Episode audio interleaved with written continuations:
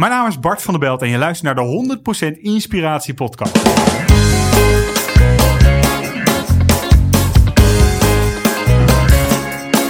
Hey, wat goed dat je luistert. Hij staat weer voor je klaar. Je wekelijkse dosis inspiratie is weer daar. De allerleukste gasten geven al hun kennis prijs. Met je veel te blije host, hij praat je bij. Zijn naam is Thijs. Thijs, Thijs,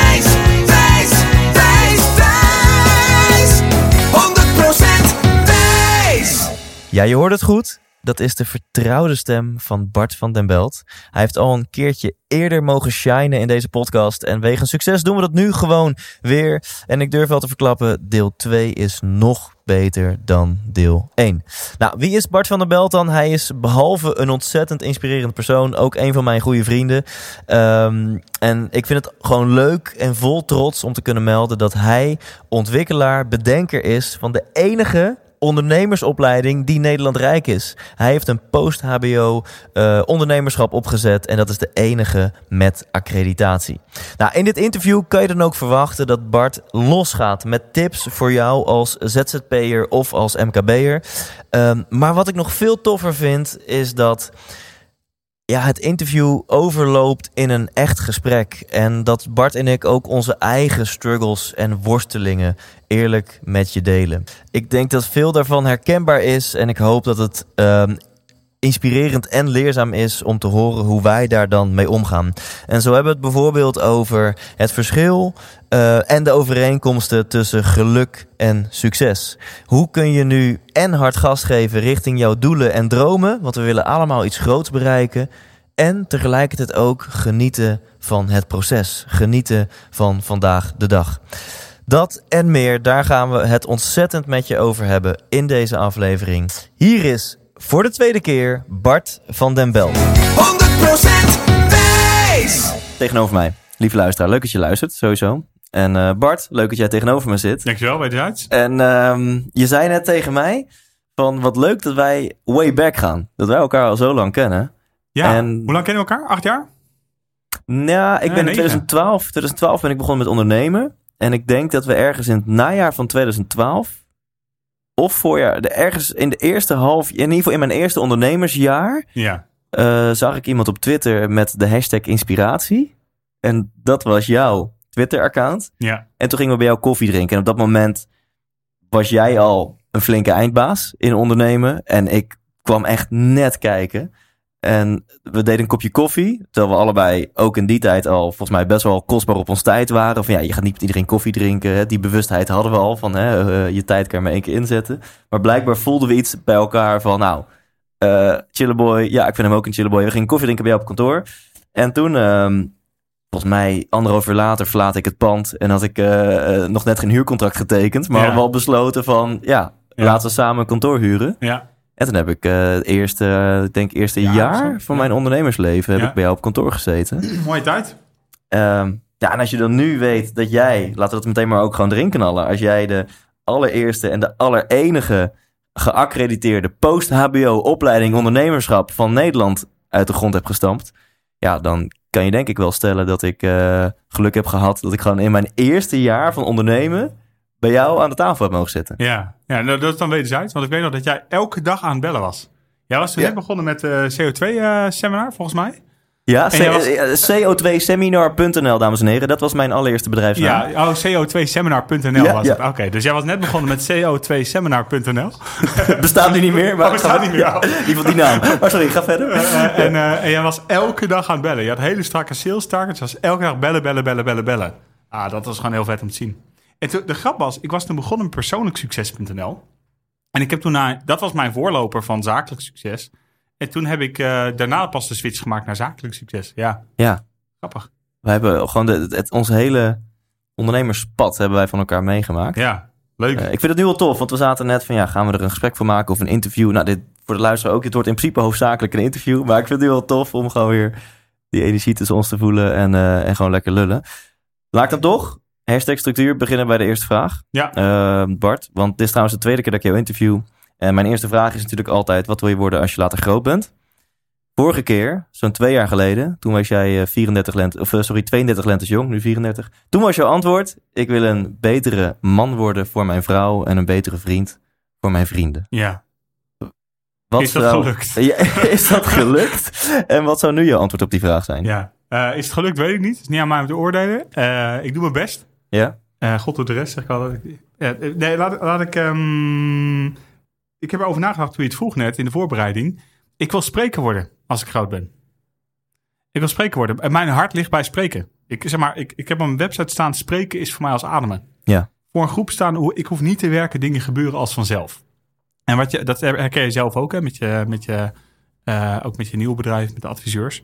Ehm, op een gegeven moment eh, ga je een bedrijf in, heb je iets groter te maken. En dan, dan ben je even een zijstapje van je echte passie af, van je hart af. Ja? Omdat je iets wil bereiken voordat Ja. je weer terugkomt op het pad. Ja. Dus maar, maar mijn, doel, maar mijn pad is spreken. Ja, dus je hebt een bepaalde passie.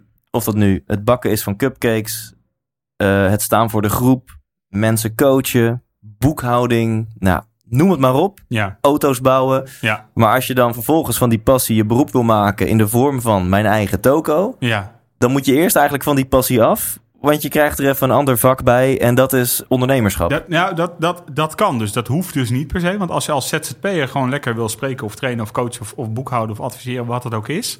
eh, of of eh, gebouwontwerpen, advocaat, nou, noem het op. ja, ja. Ehm, dan kun je dat gewoon lekker doen. Kun je gewoon je uren verkopen, helemaal prima. Alleen, eh, er zit bij mij altijd... Kijk, ik hou van avontuur. Mijn vrouw is van de veiligheid. En eh, ik heb avontuur nodig. En mijn bedrijf is mijn avontuur, zeg maar.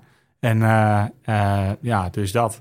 En een avontuur heeft ook heel veel hobbels. En heel veel, weet je, als je door een jungle loopt. Ik weet niet of je wel eens in Ecuador bent geweest. Je bent in Ecuador geweest, toch? Nee. Borneo? Nee, ja, je hebt op een gegeven moment, een jaar of vijf geleden, heel zo'n mooi natuurding. Op Malediven. Doe je die? Nee. Bali. Nee, jij bent Thailand. Keer, nee, Zanzibar. keer zo'n natuurding... Costa Rica. Costa Rica was je geweest, ja. Ja, toch? Ja, ja. je? Oh. Oh, nou, ik, ik heb hetzelfde hoor. Texel, eh Terschelling, weet je, al Ja, die... eh, ik, heb het allemaal gezien, al die. Jij bent naar Zeeland geweest, ik Nieuw-Zeeland. Ja, Ja. zo allemaal wat. Ehm, eh, even kijken. Ehm, als, je- als je een tocht loopt, dan heb je gewoon heel veel lianen op je pad en, en spinnen en dingen. Hoort erbij. En ehm, ik heb gezegd, dit is mijn avontuur. Mijn bedrijf is mijn avontuur. En het avontuur is soms heel zwaar en niet leuk. Maar ik heb dit avontuur te lopen. En mijn passie loopt daar met me mee. En dat is gewoon spreken. En is dan, ken je het boek eh, The Big Leap? Van Ja. Gay? Ja, Eh, oké. om- Ja, ja, want daar heb ik nog een uitdaging mee gehad. Want mijn nieuwste boek heet Waag de Sprong. Oh, En, en toen dacht ik, oh shit. Maar toen ik dus dat ging uitzoeken, ik had het be- bedacht, ik had een metafoor. het kwam overigens voort uit dat ik eh, mij afvroeg, hoe kan ik skydiven fiscaal aftrekbaar maken? En toen heb ik er, toen heb ik er een, eh, een boek uiteindelijk over geschreven. Ik ken het boek, ja. Ik heb het niet gelezen. dit is zo'n vraag die ons allen bezighoudt. Hè? Hoe kan ik skydiven fiscaal Ja. aftrekbaar maken? Ja, ja. Is het gelukt? ja het is Het gelukt. is ja. gelukt. Maar wat ik wilde vragen, en een klein stukje theorie dan. Dat boek gaat over vier zones. Je hebt de zone of incompetence. Nou, blijf daar weg. Oh. Dat is werk wat je niet leuk vindt en waar je niet goed in bent. Dan heb je je zone of competence. Hè, je competentieprofiel. Dat is werk wat je gewoon kan.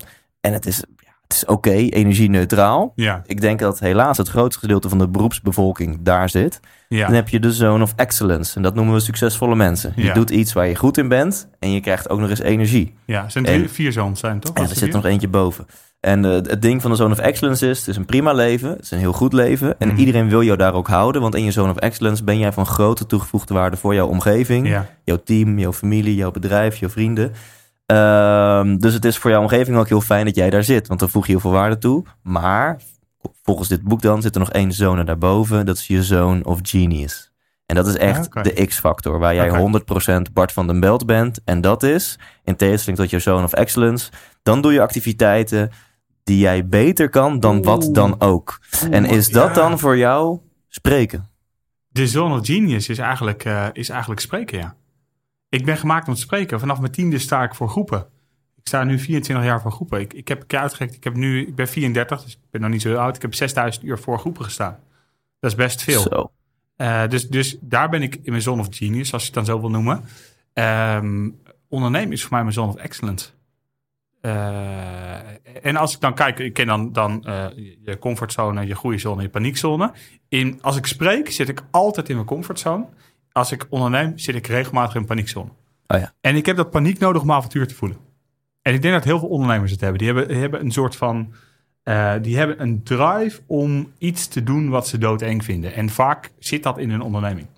En enig idee waar dat dan van... Want als je dit zou stellen, zou je denken... Nou, dan ben je dus knettergek als je gaat ondernemen. Hoe, hoe- waar haal je het Ja. vandaan dat je een drive hebt om iets te doen wat je super eng vindt? Waar komt dat vandaan, denk je? Ja, dat is... Ja, kijk, ik spreek natuurlijk veel met ondernemers. En dan Ja. zie ik vaak dat een ondernemer is, eh, eh, is veelal gedreven door vrijheid. Is meestal getrouwd met iemand die gedreven is door veiligheid. Of, of heeft een relatie met iemand die gedreven is door veiligheid. Die houden elkaar vaak in balans. Dat is niet altijd zo, in veel gevallen zo. Ehm, als je, ik, eh, mijn vrouw, topper, leukste vrouw ter wereld. zij heeft een, meer behoefte aan veiligheid dan ik. Waar ik heel erg gedreven ben door vrijheid. Ehm, dat betekent dus dat ik iets moet creëren voor mezelf. om die vrijheid voor mezelf te hebben. Om te spelen, om nieuwe dingen te ontwikkelen. Ja, en voor mij is dat mijn bedrijf. Ja, kijk, zij zegt, zij zegt ik, ik, ik heb veel reizen gemaakt natuurlijk. Ze zegt van joh, wat mij betreft, ga lekker drie weken backpacken in Vietnam. Neem een rugzak mee, succes, ik zie je over drie weken. Dat zegt ze. Ik heb me niet gelukkig van. Ze zegt, ga ik zonder haar backpacken? Want Ja. zij, zij wil gewoon lekker naar de Schelling. Ja, Eh, eh, dus voor mij is mijn, mijn eh, onderneming is mijn reis, mijn, mijn avontuur. Ja. Ja zo zie ik. en je zegt spreken is mijn zoon of genius. Dat Ehm, vind ik wel heel erg. aan mij om te zeggen. Maar da- daar, laat, ik, laat ik zo zeggen, daar ervaar ik flow. Ja, Daar Klopt, ervaar je flow. Ja, dat vind ik een hele mooie. Eh, maar spreken, dat kan heel veel dingen betekenen. Dat klinkt nog, zou zelfs oppervlakkig kunnen klinken. Dus Ja. wat, wat is dat in spreken? Is dat het, het, het contact met de mensen? Is dat de magie die je met een zaal kan creëren? Ja. Is dat de entertainer zijn? Dus wat, Ja. wat kan je dat uitpluizen? Dat is mensen eh, tot op het diepste level raken om anders naar de wereld te kijken. En niet eh, op een betere manier, maar anders. Eh, Weet je, als schudden aan de overtuigingenboom. eh zeggen van, joh, maar heb je het al een keer zo bekeken? Ehm, ik had een keer een lezing in het noorden van het land voor een grote zorgorganisatie. Twaalf keer gesproken. Jij hebt daar ook gesproken trouwens. Hebben wij nog in Ja. de villa, ge- of Oh. hebben jullie in de villa gezeten? Ik ben toen een dagje op bezoek gekomen. Ja, bij ja. die organisatie. Ehm, daar was ik, had ik een seminar van twee uur gegeven over verandering. En toen na afloop kwam er een teamleider naar me toe om me te bedanken. Toen zei ik, hoezo? Toen zei ze, ik, ik had een medewerker, die ken ik al twaalf jaar. Zit al sinds dag één in de weerstand in de organisatie. En die is net naar me toe gekomen om me excuses aan te bieden. Om haar excuses aan te bieden. Wauw. Ja, dat, dat is het mooiste compliment wat ik kan krijgen. Nou, en om dan, want we gaan het straks met name hebben over ondernemen, vind ik super tof. We hebben al echt een aantal leuke stellingen bedacht van ehm, het verschil eh, tussen ZZP'ers en MKB'ers. Ja. En eh, nou, heel veel verschil tussen geluk en succes. Dus we gaan echt on a rant straks. Maar om dan nu hier, omdat je, omdat je het hierover hebt, wil ik wel hier een concrete, eh, concreet inzicht van je over hebben. Jij bent dus in staat om voor de groep mensen te grijpen, wat je zegt, tot het diepste te raken. En Ja. om ze vervolgens anders te laten denken. Ja. Dat kan je ook wel beïnvloeding noemen. Dat kan je ook wel noemen spreken met impact. Ja. Mensen die luisteren denken, nou, dat wil ik ook wel. Mm. Jij hebt 6000 uur op de bühne gestaan. Ja. Dus jij eh, hebt vast één of twee tipjes voor mensen die luisteren. Van hoe kun je dat dus creëren? Dat nadat jij een uur lang hebt geluld, Ja. dat mensen echt anders zijn gaan denken Start over dingen. kwetsbaar. Dat is de allereerste. Ik start altijd kwetsbaar. Eh, ik start niet vanuit, kijk, dit is, mijn, dit is mijn kennis, dit is mijn ervaring, dit is mijn succes. Eh, ik start met, eh, dit is waar ik begonnen ben. Zonder, zonder het, ik noem dat zielig tot succesvol verhaal. Want eh, Oh ja. die heb je ook wel, ik was zielig en nu ben ik succesvol. Eh, dat verhaal niet. Eh, maar echt van, joh, hè, eh, dit, is, dit is wat ik heb meegemaakt. En, eh, ehm, eh, dus ik begrijp waar je zit. En, en, maar ook in houding. Hè? Dus wat ik doe op het moment dat ik voor een groep ga staan, eerst wat ik doe, colbertje uit, mouwen opstropen. Ja. Eh, eh, want dan ben ik kwetsbaar. Ik kan, ik kan daar strak in mijn pak gaan staan. Ik ook wel eens zelfs voor sales manager sta of zo. Strak in mijn pak. Ja. Eh, Italiaanse leren schoenen. Past dat heel erg bij me? Ja, het past bij me om te matchen. Maar zelfs dan trek ik mijn jas uit, doe ik mijn stropdas af en ben ik Oh ja. gelijk weer mezelf. Dus, dus meet them where they are. Match waar ze zitten in houding, in uitstraling, in woorden. Ja, En op het moment dat, dat je gematcht bent, gelijk gaan leiden door... In mijn geval is dat door kwetsbaar te zijn. Mooi. Ik, ik heb dit dus proberen te modelleren van jou. Maar ik heb zelf ondervonden dat het wel uitmaakt welk kledingstuk je uittrekt. Ja, ja, ik kan me voorstellen, ja. ja. Ja, want jij hebt vooral sokken uitgetrokken. En, Ja, precies. Echt het bedoemtje, wat een we flauwe begonnen eh, trouwens ook al voor de podcast. Maar wat, wat vertel je dan als jij zegt ik begin kwetsbaar? Ik ben wel heel benieuwd wat jij dan eh, vertelt. Nou, d- dat ligt een beetje aan waar je staat. Elke doelgroep waar je staat, je hebt, jij, jij hebt heel veel zalen waar je geen homogene groep hebt. Hè? Dus heel veel verschillende. Jouw inspiratieshow heb je heel veel verschillende mensen in één zaal zitten. Ja, dan, eh, eh, Kijk, wat het is, is je, je, je benoemt een voorbeeld of een metafoor die altijd inhaakt op een diepere laag bij mensen. Hè, als jij iets vertelt over, eh, wat is een kwetsbaar stuk in, in jouw show wat je vertelt? Er zijn er meerdere, maar la- laten we het houden op hoe ik zelf ook als inspirator, tussen aanhalingstekens, onwijs struggle met een zoektocht naar geluk en succes Ja. in mijn eigen leven. Ja, en het thema daarin is de, is de struggle. En en dat, dat thema, dat haakt in ook op mijn struggle op mijn werk, op mijn struggle met mijn, met mijn hond die niet wil luisteren, op mijn struggle met, nou, op, op 10, 20, 30 verschillende struggles. Dus dat thema, dat is universeel. En als je het hebt over storytelling en verhalen vertellen, dan is het belangrijk om het, om het thema van de groep te snappen. Als, als ik voor, eh, ik zeg maar wat, een, een groep asset managers staat. Ik stond laatst bij een groep asset manager- managers voor Schiphol ook, ook in verandering. Zonder te veel te stellen over eh, de inhoud van die organisatie. Ehm, eh, dan vertel ik niet mijn verhaal over verhuizen, pleeggezinnen, dinges. Dan vertel ik mijn worsteling als ondernemer. En, en het managen van mijn personeel en, en, en, de financiën en dat soort dingen. Die struggle begrijpen zij, zeg maar. Dat is exact dezelfde struggle als het aantal keer verhuisd zijn. Is exact hetzelfde struggle als de dingen die ik heb gezien in Oeganda. Eh, alleen, ik neem, noem een voorbeeld wat aanhaakt bij waar de mensen zitten. Dus stap 1, match met je doelgroep. En dat kan al simpelweg door kleding Ja. en houding. Ja, Vervolgens, als je hebt gematcht, ja, dan willen mensen horen wat je te zeggen hebt. Dan moet je gaan leiden. ja. En leiden, dat hoeft met een korte ei voor de duidelijkheid. Hoeft dus niet meteen te betekenen dat jij de expert uit gaat hangen en jij ramt het 15 stappenplan naar geluk en succes erin. Maar dat Kan. kan, je- kan ook. Ja. Maar een route die heel goed werkt, is door juist kwetsbaar te zijn. En Ja. op die manier eh, connectie met de zaal te krijgen en ze vanuit die kwetsbaarheid mee te nemen in wat jij ze te vertellen hebt. Ja, als je kijkt, ik, ik geef veel sales trainingen onder andere, eh marketingtrainingen. Ik heb daar vaak over het creëren van commitment. Hè? Dus mensen moeten commitment hebben. In je marketing wil je commitment hebben om een, om een aanvraag te doen. In sales wil je commitment hebben om een, om een verkoop te doen. In je commitment. Met spreken heb je ook commitment te creëren. Dus commitment om, eh, joh, ik zit hier verplicht. Ik heb een studiedag, ik zit hier verplicht. Ik moet nu gaan luisteren naar wat hij over onderwijs te vertellen heeft. Ik heb daar helemaal geen zin in, want dan zit ik weer een uur hier te niksen. Ja. Dat is hoe mensen erin zitten. Dus je moet in twee minuten tijd commitment creëren om naar je te luisteren. Nou, toen heb ik nagedacht over wat is dan commitment. Voor mij is dat twee dingen. Als je commitment wil creëren, moet je eh, likability en autoriteit. Ja. Dus eh, nee, even een stap terug. Commitment bestaat uit twee dingen. Commitment bestaat uit pijn plus vertrouwen. Ja, Of verlangen plus vertrouwen. ja, Nou, pijn en verlangen is afgebakend. ja. Maar hoe creëer je dan eh, dat vertrouwen? Ja. En vertrouwen bestaat uit twee componenten voor een spreker. Moet je eigenlijk een sprekerstraining over organiseren. Ja, ik zit net al even tussendoor, zei ik tegen jou, Bart, volgens mij moeten wij gewoon een keertje Facebook live gaan of zo, met een Q&A. Ja, En eh, dat mensen vragen kunnen stellen. En dat, dat, bij deze eh, moeten we dat gewoon volgens mij echt een keer gaan doen. En dan kunnen we eentje over spreken doen en eentje over Leuk. ondernemen. ja, En ehm, volgens mij vinden we dat heel leuk. En eh, wie weet wat het oplevert ja. eh, aan waarde voor de mensen. Maar ga verder. Eh, dus dus oké, pijn, verlangen, afgebakend zeg je. Ja. En vertrouwen. Ja, vertrouwen bestaat uit twee dingen. Likability en autoriteit.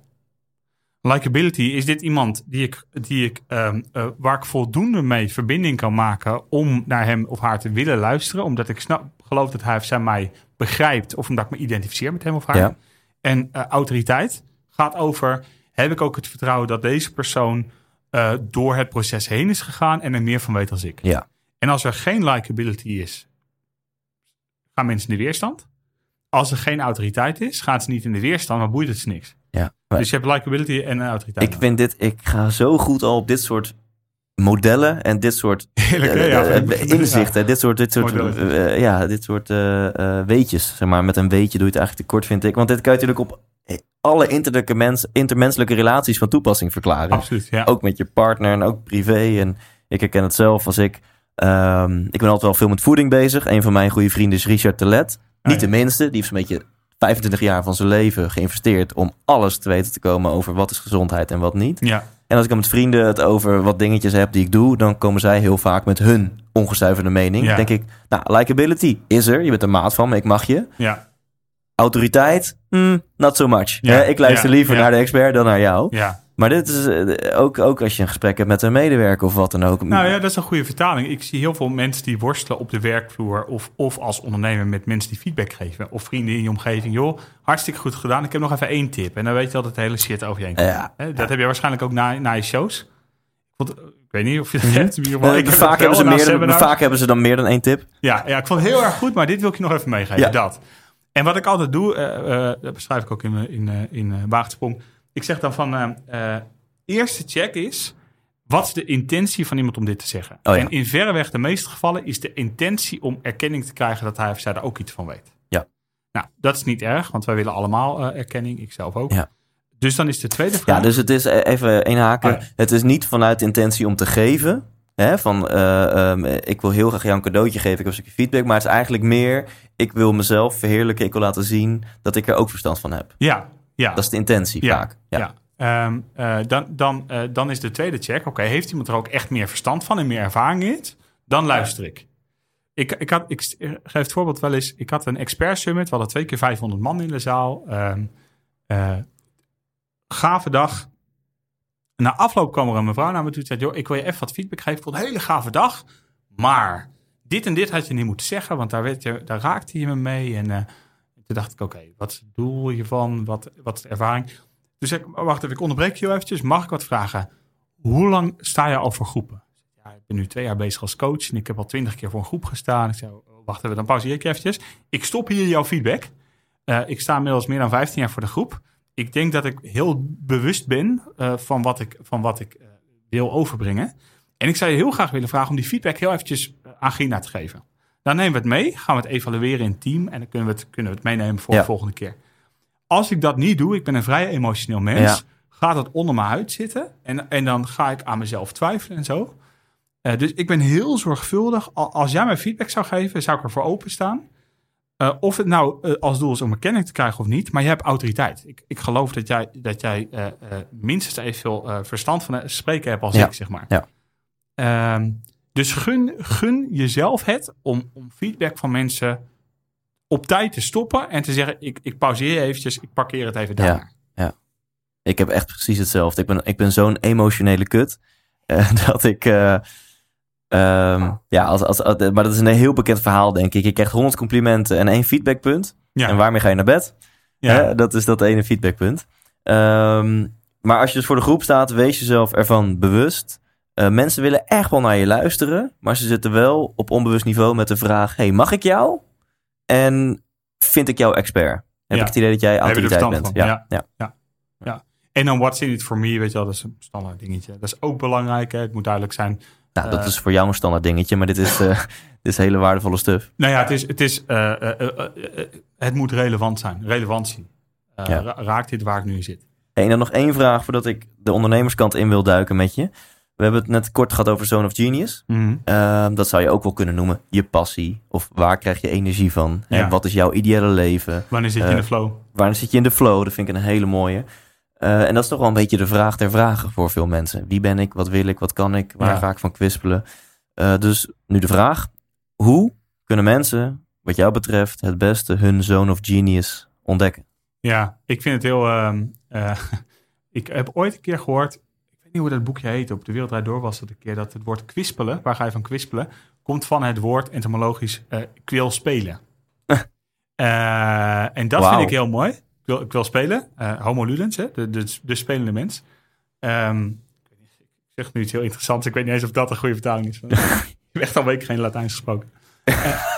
Eh, nee, maar Ja. maar dat, dat, ehm, eh, wat wij verliezen in het volwassen worden is de vrijheid om te spelen.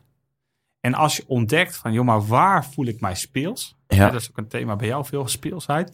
Wanneer voel ik me vrij en speels en onbevangen? Dat is een indicator. Eh, je kan het ook zo simpel zeggen als, wat vind je leuk? Ja, maar ik weet niet wat ik leuk vind. Oké, waar, waar ben je goed in? Ja, ik weet ook niet waar ik goed in ben. Waar zeggen anderen dat je goed in bent? En, en eh, Pa- Paulo Coelho noemt dat in de Alchemist dan eh, de aanwijzing in het leven. Eh, nou, dus, dus er zijn genoeg aanwijzingen te vinden, alleen je moet er wel naar kijken. Ik zit bijna te denken om hier gewoon een checklistje van te maken. Want deze vraag stel ik heel vaak aan mijn gasten, word ik vaak aan mij gesteld. En vaak is het antwoord op de meest complexe vragen. Het Ja. antwoord is vaak super eenvoudig, Ja. maar de crux zit hem in het gewoon doen. Ja. Dat is de complexiteit van het antwoord. Ja, Ehm, en inderdaad, of je nou de sauna ingaat, of je gaat op een boomstronk zitten, of je gaat met een coach babbelen, of je gaat eh, s s'avonds in bed met een kopje thee, notitieblokje. Uiteindelijk gaat het erom, beantwoord voor jezelf die vragen. ja, Maar dan kan het wel heel erg helpen om inderdaad verschillende hulpvragen te hebben. Zoals wat zeggen anderen dan over jou waar je goed in Ja. bent? Wanneer ervaar je flow? Ja. Wanneer lijkt de tijd vanzelf te gaan? Ja. Eh, waar krijg je energie van? Wat zijn activiteiten die je naar jezelf toetrekt? Niemand verwacht het van jou, maar, Maar, je als, merkt je dan, het. Als je dan toch een checklistje maakt, maak dan gewoon een boek. Want dat geeft mensen veel meer context en inhoud. Want, want dan kom je weer... Eigenlijk zeg je, ik ga iemands kwaliteit ga ik systematiseren in een checklist. ja, En dan is de vraag, maar, maar kun je... Kun je? Kijk, dus, het, dus al die vragen in een checklist zijn indicatoren. Ja. Maar, eh, en die kunnen leiden naar het antwoord. Ehm, eh, en zo'n checklist kan zeker helpen. Alleen als je daar, als je. Dus ik, ik geloof heel erg ook in, in producten verkopen of wat wij verkopen. Wij verkopen geen opleiding of weet ik het. Ehm, ehm, wij, we- wat mensen nodig hebben is een proces. En help mensen het denkproces door. En, en dat doe je met je show bijvoorbeeld. Dat vind ik zo gaaf. Ik heb natuurlijk een hele e- e- eerste versie gezien in Boom Chicago. Volgens mij die tweede show die je gaf. oh man, ja. Eh, maar, maar je gaat wel een denkproces door. En dat, dat proces, dat is wat je nodig hebt om, om er anders uit te komen. Ja, en dit vind ik meteen een heel mooi linkje naar, naar een groot inzicht voor, in elk geval voor kennisondernemers. Ehm, en jij gaat hier waarschijnlijk nog veel meer over vertellen dan ik. Maar hoeveel mensen zijn wel niet bang om te veel kennis weg te geven? Van ja, maar als ik eh, Ja. tijdens die gratis avond dit allemaal vertel. Ja. Of als ik in mijn eh, blogs of vlogs, of maakt helemaal niet uit. ja. En dat vind ik, ja, die is me altijd blijven hangen van jou. Die heb ik al vaker van jou gehoord. Uiteindelijk, mensen kopen niet je kennis. Al helemaal niet anno 2019. Want kennis is overal in overvloed 100.000 procent gratis. Ja. Maar mensen maken geld naar je over voor een proces. Ja, ja, wat mensen in nodig hebben is geen kennis, want dan moet je gewoon het boek lezen. Dus Ja. kennis waar we lezen het boek Ja. voor de checklist. Wat je nodig hebt is de inzicht en de wijsheid en iemand die het pad heeft gelopen en de mentorschap. Ja. Dat is wat je nodig hebt. Ja. Ik heb een, eh, ik heb een eh, eh, Henk van Driel, hij noemt zichzelf navigator voor ondernemers. Dat, dat is, was mijn accountant ooit. Ik heb twee accountants en Martin heel, heel, heel zakelijk en straight, zeg maar. Mhm. Allebei gave gasten. Ehm, Henk is een, is een man met heel veel ervaring en wijsheid. En hij is mijn mentor, zeg maar. En als ik, als ik ondernemers shit heb, dan bel ik hem. En dan kan ik gewoon even mijn hart luchten met iemand. Omdat ik weet dat hij zelf al die shit door is gegaan. Ja. En dan kan ik op sommige gebieden meer kennis hebben als hij. Ja. En hij heeft op sommige gebieden meer kennis als ik. Veel gebieden heeft hij meer kennis als ik. Eh, ehm, zeker qua accountancy. Alleen ehm, dat, dat wijsheid van, joh, maar wat heb ik nou... Wijsheid zit eigenlijk in de vraag beantwoorden, is wat weet ik niet? Dus ik weet niet wat ik niet weet. Dat is mijn grootste probleem. Ja. Dus vertel mij wat ik niet weet. Dat is ook een vraag die ik Ja. standaard stel.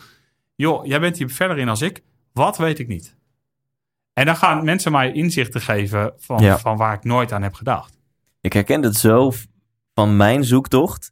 Een mooie metafoor van Tony Robbins vind ik. ehm, a person with one watch always knows what time it is. A person with two watches is never quite sure.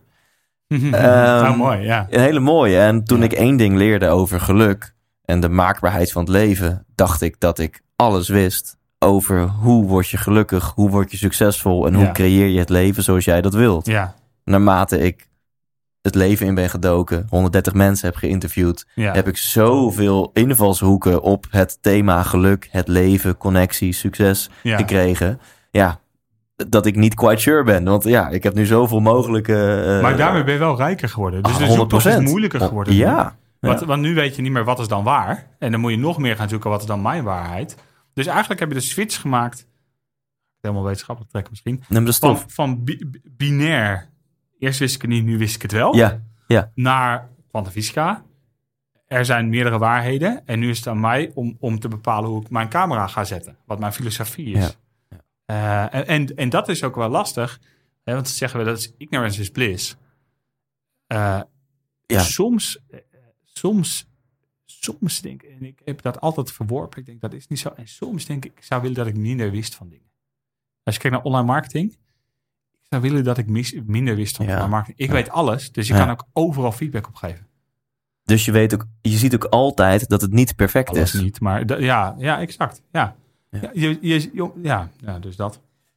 Als we het hebben over een proces. Ja. De Zakelijk Succes Academie is een proces.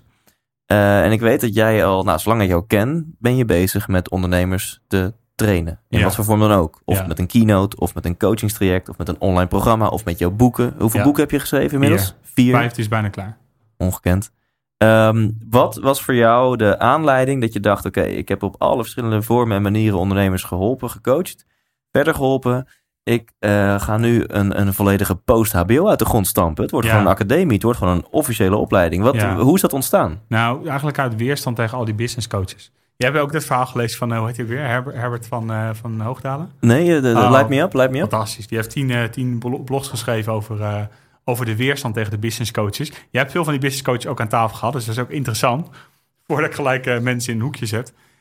Wat er gebeurde was, ik was entertainer, goochelaar, werd artiestenbureau, artiestenbureau verkocht. Passie om die artiesten te trainen. Probleem, artiesten staan niet open om getraind te worden. In ondernemerschap, want het zijn artiesten, het zijn geen ondernemers. Ja. Dus toen op een gegeven moment heb ik in 2014 ben ik gestart met het... Jij was bij het eerste seminar. Sydney ook trouwens, denk ik, of niet? Ja, ja, hij eh, was bij het ja, eerste ja, seminar, oktober 2013. Denk ik. Dat zou, ik was daarbij, weet ik nog wel. Ja. Ja. We hebben foto's, ik kan het zo nakijken. Ja. Opleidingstraject, vijf dagen, werd zes dagen, werd zeven dagen, werd acht dagen. Dat is inmiddels tien dagen. En inmiddels de post HBO's 15 dagen met acht uur coaching, met Wauw. alles op en eraan. Eh, best een zwaar accreditatietraject. Een jaar geleden kwam ik tot de conclusie, ik heb de verkeerde concurrenten. In mijn hoofd ben ik nog steeds aan het concurreren met alle, alle coaches die beloven... iedereen heeft recht op 100.000 euro. Ik kom nu weer hu- thuis van vakantie. Ik heb 40.000 euro op mijn rekening gehad. Die coaches, zeg maar. Dat Ja, ik, ik, ik beloof je met mijn programma, je gaat volgend jaar je omzet verdubbelen. Al dat Eh, een, een, een, ja, een ton En zo begon ik ja, ook, hè? Want mijn eerste seminar zei ik tegen al mijn klanten: ik ga jullie omzet verdubbelen. Niemand is dat gelukt overigens. Tenminste, niet in dat eerste jaar. Ja. Iedereen is wel ambassadeur geworden. Dat is wel interessant. Ja, precies. Ja. Ehm, en, en toen heb ik gezegd: oké, we gaan, ik ga andere concurrenten zoeken. Wie wordt mijn concurrent? En nu heb ik gezegd: oké, ICM, NCWI. eh, dat, NCWI is de grootste van Nederland, dus dat is een uitdaging. Ja, want jij had wat ergernis, noem het arrogantie, noem het gezonde zelfkennis. Van volgens mij heb ik meer te bieden dan veel van de business coaches die ik zie in het veel veld. coaches die volgen een, een- veel business coaches. Er- zijn twee dingen waar ik weerstand tegen heb met de meeste business coaches. En dat vind ik ook zonde. Ik heb businesscoach.nl, gebruiken we niet, maar eh, daarom, daarom gebruiken we nog eventjes niet. Ehm, de weerstand die ik heb tegen business coaches is ofwel de filosofie klopt niet, ofwel ze hebben niet de autoriteit in mijn ogen. Ja. Dus ofwel hun filosofie is succes is maakbaar, je moet alleen Ja. deze drie trucjes doen. Ja. Eh, dat, dat is niet de ik, filosofie. ik was ooit arm, nu ben ik succesvol. Doe wat ik deed en jij bereikt hetzelfde. Ja, en het Dat is dan maar de- drie stappen en iedereen kan dit. Eh, eh, ja, dus dat. En het tweede is, ehm, eh, veel coaches hebben een, ergens een accreditatieprogramma gedaan, maar leven het niet of hebben nooit een bedrijf gehad. En, en oké, dus dan kun je een hele set trucjes en nu ben je succesvol omdat je de trucjes van een ander gaat doorgeven. Maar je hebt nooit zelf een bedrijf gebouwd. En dat is waar mijn weerstand zit. En ik, ik ben heel erg van, ik, ik wil zelf alleen maar leren van mensen die zelf het hebben gedaan. Ja. Eh, dat zijn de mensen die ik autoriteit geef. Ja, ik ben het 100% met je eens. En dan kun je natuurlijk zeggen, ja, de beste voetbaltrainer hoeft niet de beste voetballer te zijn. Maar die moet wel op het veld hebben gestaan. Absoluut. Die moet, we moet in het veld hebben gezien waar het misgaat als er een aanvaller. eh, eh, ja, ik heb geen verstand van voetbal, maar die, die moet in het veld hebben gezien wat er gebeurt als een aanvaller de verkeerde kant Ja, gaat. wil jij financieel advies van iemand die zelf onwijs worstelt met zijn financiële situatie? Je Ja. kunt, ja, maar het is een hele goede coach. Ja. Ja. Eh, wil jij als personal trainer iemand die zelf maar niet van hamburgers af kan blijven en, snap je, Ja. geen sixpack heeft? Ja. En ehm, ja, hetzelfde geldt, eh, ik ben het 100% met je eens, ook voor, voor business coaches. Ja. Dus dat was een, een, nou, een constatering slash ergernis eh, van jou, waardoor je dacht, dit, ik wil niet in die pool zitten dat ik met hun concurreer. Nee, en daarnaast was ook een commercieel aspect. Eh, dus het eerste was, we wilden echt kwalitatief gewoon de beste opleiding hebben. Het Ja. beste proces voor ondernemers. En we hebben, dan, we hebben dan drie opleidingen plus de post-HBO, zeg maar. Starters, ZZP'ers, MKB'ers. Drie verschillende trajecten en dan die post-HBO. En ehm, ehm, het tweede was ook een commercieel aspect. Hoe weten mijn klanten, eh, als ik eenzelfde soort strategie heb om mensen te onboorden, hoe weten zij dat wij een serieuze organisatie zijn? En dat is de reden waarom we niet alleen een post-HBO hebben, maar ook een CDO-accreditatie hebben, bijna rond. Wordt nu onderzoek gedaan, klantonderzoek. Is iedereen echt zo enthousiast? Ja, ja, ja. Als wij zeggen Is het geen secte? dat, ja. Ja. Eh, ehm, eh, PE-punten zijn we bezig. We zijn bezig met een ISO 9001-accreditatie, omdat we willen laten zien, luister, we zijn een serieuze opleider en, en, en we, we bieden ook serieus resultaat. Ik, ik mis alleen nog de COT-prestatieladder. Ja, nee, die hebben we niet. Ja, we krijgen geen subsidie daarvoor. Eh, dat is een van de producten van mijn business, eh, dames en heren, voor de mensen die eh, dat nog niet wisten. Ehm, dus jij bent heel erg aan het werken aan, aan die kant van eh, ehm, autoriteit. Hè? Want Ja. jij, kan, jij kan van jezelf dus wel vinden. Volgens mij heb ik veel te bieden. Volgens mij heb ik meer te bieden dan heel veel andere business coaches. Wat een goed want- startpunt is. ja. want ik heb heel veel businesses opgezet. Ik heb mijn vlieguren gemaakt. Ik heb met de poot in de klei gezeten. Ik weet waar ik het over heb, bla bla bla. Ja. Maar ja, hoe zet je dat op de flyer? Hoe, hoe, geef je, hoe, hoe zorg je ervoor dat mensen ook weten dat je de real deal bent? En toen heb jij Ja. ervoor gekozen, nou ja, als we gewoon ervoor gaan zorgen dat we allerlei erkenningen en accreditaties van externe onafhankelijke partijen krijgen, Ja. dat draagt echt wel bij aan Ja. onze status. Ja, en zoals jij waarschijnlijk zelf weet, in, de, in die accreditatiewereld eh, is, er, is er veel ook window dressing. Ja. Maar post-HBO is serieus onderscheidend. Want, want daar moet je een pak papier voor inleveren. En dat helemaal didactisch onderbouwd hebben. En minimaal 100 contacturen en heel veel harde eisen. En ja, daarmee, daarmee eh, we zijn de enige post-HBO-ondernemerschap in Nederland. Hoe, hoe heb je dat gevierd, man? Dit, je- dat is een giga succes. Eh, Ik ben gaan wandelen met de hond. Ja, nee, ja, ja, nee, ja. Ehm, ik, ik ben niet zo, ja, ik ben niet zo goed in mijlpalen vieren. Dan moet ik misschien meer leren, maar ik heb dat eigenlijk niet gevierd. Ik dacht, eh, Ja. gaaf. We hebben, we, hebben, eh, we hebben een kerstontbijt gehad met, eh, met, eh, met, met allemaal collega's. Ja, tof. Dat. En jij nou, ziet misschien wel meer ondernemers dan wie dan ook in Nederland elk jaar. Je gaat straks naar eh, een frequentie van twee keer per maand waarin je een masterclass doet. Ja. Dat is een soort van kennismaking met, met, met jou, met jullie. En, en daarna zou je kunnen beslissen om ook eh, de hele academie te gaan doen. Wat is nou, en dat is natuurlijk zo'n hele standaard interviewvraag, maar ik ga hem toch stellen. Wat is nou dan het nummer één ding? Laten we even dan ZZP'ers en Ja. MKB'ers even dan uit elkaar knippen. Dus Ja. voor het duidelijke, voor de Dat is ook duidelijkheid. belangrijk ook, denk ik. Ja, als ZZP'er ben je dus me, myself en I. Ja, En de meeste ZZP'ers doen uurtje factuurtje, maar dat zijn natuurlijk meerdere businessmodellen voor ZZP'ers. Ja. En als MKB'er nou, heb je denk ik allereerst al te maken met een team.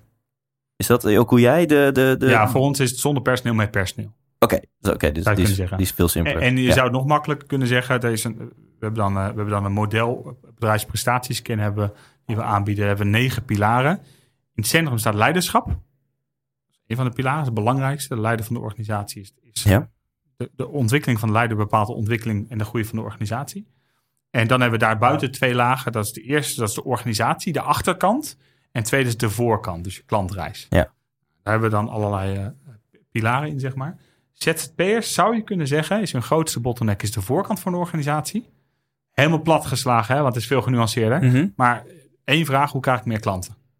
Dat is eigenlijk de enige vraag van ZZP'ers. Ja, en dat bedoel je met de voorkant van de organisatie. Dus je flyer, je website, je visitekaartje, marketing. Hoe zorg De je voor... voorkant van de organisatie is een complete klantreis. Een klantreis bestaat met ons ogen uit vier dingen. Eén is marketing. Twee is je sales. Drie is je onboarding van je klanten, dus het leveren van je waarde. En vier is eh, relatiebeheer. Dus marketing, sales, Onboarding. eh, onboarding, relatiebeheer. Ja. Eh, en vanuit relatiebeheer komt dus weer je marketing. Dus het is een cirkel. Ja. Het is circulair. Ehm, dit is een probleem bij de meeste ZZP'ers. Hè, dus, dus help, mijn agenda is leeg. En wat je zou kunnen zeggen, en dat, dat chargeer ik weer. De, de ZZP'ers die niet interim zijn, is hun grootste bottleneck is ik heb meer tijd en geld. Ja. En ik heb geen idee hoe ik die tijd effectief besteed. Ja, en bedoel je met, met onboarding, dus met dit, deze vier dingen die je noemt, Mhm. dan heb je het niet over de kwaliteit van de dienst of product die je werkelijk levert. Absoluut. Ja, dat, dat zit gewoon. Oh, ja, maar dus eh, als je niet goed bent in je vak, als ZZP'er, hè, als, als, degene, als je jezelf verkoopt, als je niet goed bent in je vak, ehm, ja, dan, dan, dan ga ik je niet eens leren om een bedrijf te bouwen. Je hebt, het- dit, is namelijk, dit is namelijk een gekke gedachte van de meeste eh, ondernemers, of het nou ZZP'ers of MKB'ers zijn. Zij denken, als ik meer klanten heb, gaat mijn bedrijf groeien. Onzin. Want dan blijf je altijd bezig met die marketing. Iedereen die marketingtrucjes leert, zegt ja, alles gaat goed. Ik heb alleen meer klanten nodig. Echt het grootste gelul wat er is. Wat je nodig hebt is een systeem. En dus je hebt niet alleen meer klanten nodig. Je bedrijf gaat pas groeien als je klanten nieuwe klanten aanbrengen. En daar gaat het vaak mis. Mensen denken, nee, ik heb meer leads nodig. Je hebt niet meer leads nodig. Je hebt meer, je hebt meer ambassadeurs nodig. Je moet zorgen dat je klanten nieuwe klanten aanbrengen. Dan heb je een automatisch groeiend bedrijf. Anders blijf je maar bezig met ja, oké, want marketing anders is het korte termijn. Dan pomp je een, eh, een paar duizend euro in die Facebook-campagne. Ja. Of je, je pompt heel veel energie in een keer een gratis avond. Of Ja. je pompt heel veel. Maar dat is allemaal even een soort van lucifer. Ja, Je, je creëert vijf nieuwe leads, twee nieuwe klanten. ja, Maar jij zegt, maar, dat is dus elke keer, je moet er weer energie in pompen. Maar dat is waar het dus misgaat in de, in de, in, in de filosofie van de meeste haakjes business coaches. Die praten alleen maar over lanceringen. Hoe krijg ik mijn workshop vol? Hoe verkoop ik mijn dingen? Hoe verkoop ik me dat? Nee, hoe maak je een systeem ervan? Dus dus wij, wij besteden elke maand 5000 euro aan Facebook. Heb ik nog niet eens over beheerkosten. We besteden, nou, we besteden heel veel geld aan marketing. Maar het is een continu systeem wat continu wordt geoptimaliseerd. Ja, ja, dus je pompt, het is dus niet zwart-wit. Je, je pompt nog steeds aan de voorkant echt heel veel geld om dus nog steeds die Facebook-campagnes en om de, eh, je gratis seminars of Ja. je kostprijsseminars of je instapseminars te vullen. Ehm, en Ja, maar of voor MKB'ers om ervoor te zorgen dat je aanvraag krijgt voor, voor zonneschermen of weet ik het. Ja, Ja, ja, precies. Ja. Ja. Eh, goede, goede aanvulling. Maar vervolgens pomp je al die effort aan de voorkant wel in een systeem wat erachter zit. En dat systeem moet er uiteindelijk toe leiden dat jouw klanten, dat eerst dat leads klanten worden. En Ja. vervolgens dat ze zo ontzettend goed geholpen worden Ja. dat zij een ambassadeur van jou worden. Ja. En dan heb je ineens een organische vorm van marketing. En dan heb je een bedrijf wat zelfstandig kan groeien. Ja. Dus mijn nummer één doel voor dit jaar was... zorg dat mijn bedrijf zelfstandig operationeel draait... en zelfstandig groeit. Als ik een half jaar, en dit is wat wij MKB'ers ook leren... eh, jezelf positief overbodig maken in je bedrijf. Als ik een half jaar uit mijn bedrijf ga... kom ik terug en is mijn bedrijf gegroeid. Ja. Omdat de systemen op orde zijn. Terwijl vijf jaar geleden had ik dat niet gekund... want toen was ik mijn bedrijf. Ja. Eh, en dat is dan ook de uitdaging van MKB'ers. Dus de buitenkant, buitenschil, de voorkant van je organisatie is die klantreis. Marketing, sales, onboarding, relatiebeheer. De achterkant van de organisatie is de bottleneck voor de meeste MKB'ers. De meeste MKB'ers hebben wel geld, maar geen tijd. Ja. Waar ZZP'ers wel tijd hebben, maar geen geld, hebben MKB'ers wel geld, maar geen tijd. Een heel ander vraagstuk. Dat gaat namelijk over het inrichten van de organisatie. Overigens, klantreis, voorkant gaat over je omzet. Organisatie, achterkant gaat over je winst. Ja. Ehm, als je kijkt naar de achterkant zijn er vier pilaren die we hebben. Mensen, financiën, systemen, processen. De uitdaging van de meeste MKB'ers is dat zij keihard aan het werk zijn en hun organisatie niet zelfstandig kan groeien. En ik heb jarenlang, eh, zoals je weet, met een hele groep supergave ZZP'ers gewerkt. Freelancers, voelt echt als een familie. Ja. Eh, ik zou sommigen ook echt niet willen missen. Ik zou ze eigenlijk allemaal niet willen missen. Maar een aantal mensen zijn echt heel belangrijk voor me ook. Mhm. Waarmee ik al heel lang samenwerk. Maar er komt op een gegeven moment de vraag: moet ik nou mensen gaan aannemen? Ik heb altijd gezegd dat wil ik niet. Ik heb nu gezegd wil ik wel. Dus ik, we hebben iemand aangenomen, een nieuwe collega. Chantal doet nu de back-office erbij. Zit gewoon fulltime eh, op kantoor. Drie dagen nadat ze werkte, werd ik ziek. Alsof mijn lichaam zei: Bart, je mag nu even rust nemen. Zeven dagen ziek geweest. Ik kwam terug. Mijn bedrijf stond er beter bij als toen ik, toen ik wegging. Ja. En waar zat dat in? Dat zat erin is dat ze een organisatiehandboek hadden uitgeschreven. En alle processen en systemen gewoon, ze deden de map open en ze wisten wat, wat ze moesten doen. Ja. Na drie dagen werk. Ja, prachtig. Dus je zegt, en, en ik ga echt een aantal turbo-nerd vragen nu stellen over dit thema. En voor de luisteraar die luistert en denkt, ja, maar ik heb niks met ondernemen. Stick with us, want we gaan het straks dan ook hebben over succes en geluk. En, eh, en ook heel vaak is de analogie te maken tussen ondernemen en gewoon je gewone leven. Absoluut. Ehm, maar wat wil ik vragen? Eh, ja, laat ik allereerst de- vraag stellen. Ehm, systemen bouwen, dat is dus heel belangrijk. Hè? Dus die, die, de grootste uitdaging van de MKB'er is... Dat je, je hebt geld, het gaat lekker. Ja. Maar alle processen gaan dwars door jou heen. Dus Ja. jij bent het middelpunt, speel van je organisatie. Ja. Dus jij bent de allergrootste bottleneck. Je bent het In grootste knelpunt om de groei in veel gevallen. ja, tot zo'n 10, 20 eh, medewerkers. Daarna worden je managers worden de grootste bottleneck. Ja, klopt. En dit vind ik dus heel interessant. Eh, uit ervaring, uit mijn ervaring in mijn bedrijven, eh, is dit 100% waar. Ehm, eh, en het moeilijke hieraan is, denk ik, dat het ondernemersprofiel is dat je een beetje rebels bent. Je houdt ervan om, om herrie te schoppen. Je houdt ervan om, om de marketing sales te doen. Hè, dus je, je bent alles behalve systeemdenker. Je bent Nee, meer... Dat is jouw ondernemersprofiel, dat is mijn ondernemersprofiel. Wij zijn creators. Oké, cool. Ja, ehm, eh, wij gebruiken Talent Dynamics test van Roger Hamilton. Ja? Eh, misschien bekend, acht, acht profielen. Je kan het ook van, dus dat gaat over aangeboren talenten. Eh, ik ben zelf disc, disc trainer ook vanuit mijn verleden. Ja. Eh, dus je kan het ook vanuit gedrag bekijken. Wat is het aangeboren gedrag en wat is het, eh, het, het, ehm, gemaskeerde gedrag en wat is het reële gedrag. Ehm, wij zijn vrij geel-rood, denk ik. Hè? Dus eh, van de inspiratie, ideeën, interactie en daadkracht en gewoon Ja. implementeren. Ja. Ehm, ik denk dat jij iets geler bent als ik. Ik ben misschien iets roder als jij, denk ik. Maar er zijn ook ondernemers die zijn heel sociaal. Ik heb ook een klant nu, die gaat een callcenter opzetten. Maar dat is iemand die veel meer conscientieus is. Die veel meer blauw is. Dus je zit veel meer in systemen en processen. Dus waar wij een uitdaging hebben om die systemen en processen te borgen, heeft deze persoon een uitdaging om de marketing op orde te gaan krijgen. Oh, dit, dit vind ik al tof, want mijn hypothese was altijd... het profiel wat jou een succesvol ondernemer maakt... en ook van in de beginfase, is zeg maar de, de, de, de, de chaot, de herrieschopper aan de voorkant. Ja. Maar hetgeen wat jouw bedrijf uiteindelijk succesvol maakt... is het inrichten als systeem met processen en checklisten. En dat is echt het nummer één ding... waar de meeste ondernemers juist heel veel kriebels van krijgen. Ja. Maar dat hoeft niet. Zeg en maar. ik denk wel dat het Ja? zo is. Ik denk dat, dat over het algemeen ondernemers vrij snel geel-rood zijn van de ideeën en van implementeren. Ja. Dat, dat denk ik. Want, eh, maar er zijn ook heel veel ondernemers, zeker ZZP'ers, die een soort van gedwongen voor zichzelf zijn begonnen. Eh, en die ook heel succesvol kunnen zijn. Ja. Ik denk bijvoorbeeld een, een Bas van der Velde, die ik ook heb geïnterviewd. Ehm,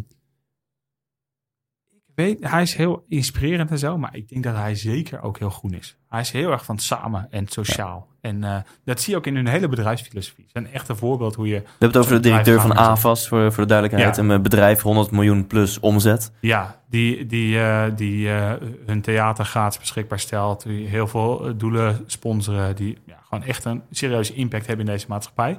Dat komt niet voort uit iemand die alleen rood en geel is. Ja.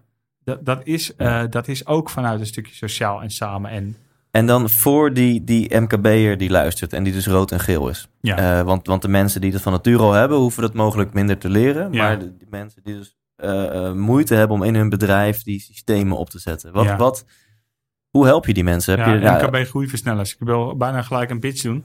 Nee, we hebben gewoon echt een, een serieuze opleiding voor die MKB'ers. Ja. Er zijn vier dingen die ze nodig hebben. Hè, dus als je hem plat slaat, is het financiën, mensen, systeem, processen. Eh, er zijn eigenlijk vier competenties. Eerst is ze moeten een, een sales systeem inrichten, een marketing sales systeem, wat een doorlopend systeem is. Ze moeten zorgen dat ze hun team echt goed weten te leiden. Dus leiderschapsontwikkeling. Ze moeten zorgen dat ze zichzelf heel goed weten aan te sturen. En ze moeten zorgen dat ze de financiën goed op orde krijgen. ja, en Financieel dashboard onder andere. mag ik daar meteen een vraag over stellen? Ja, Want als ik dit al hoor en ik heb dus dat rood-gele profiel. ja.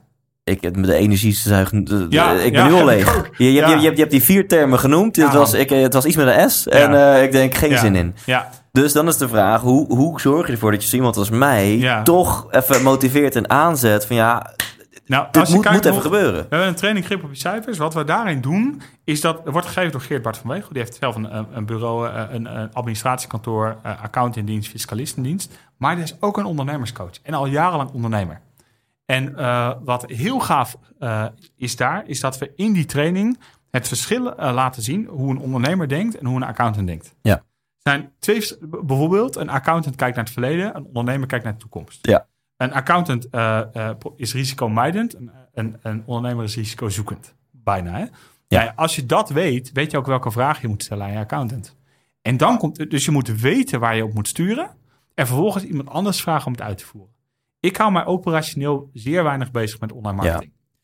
Alleen in de beginfase, er iemand zal die processen en systemen moeten gaan inrichten. Nee.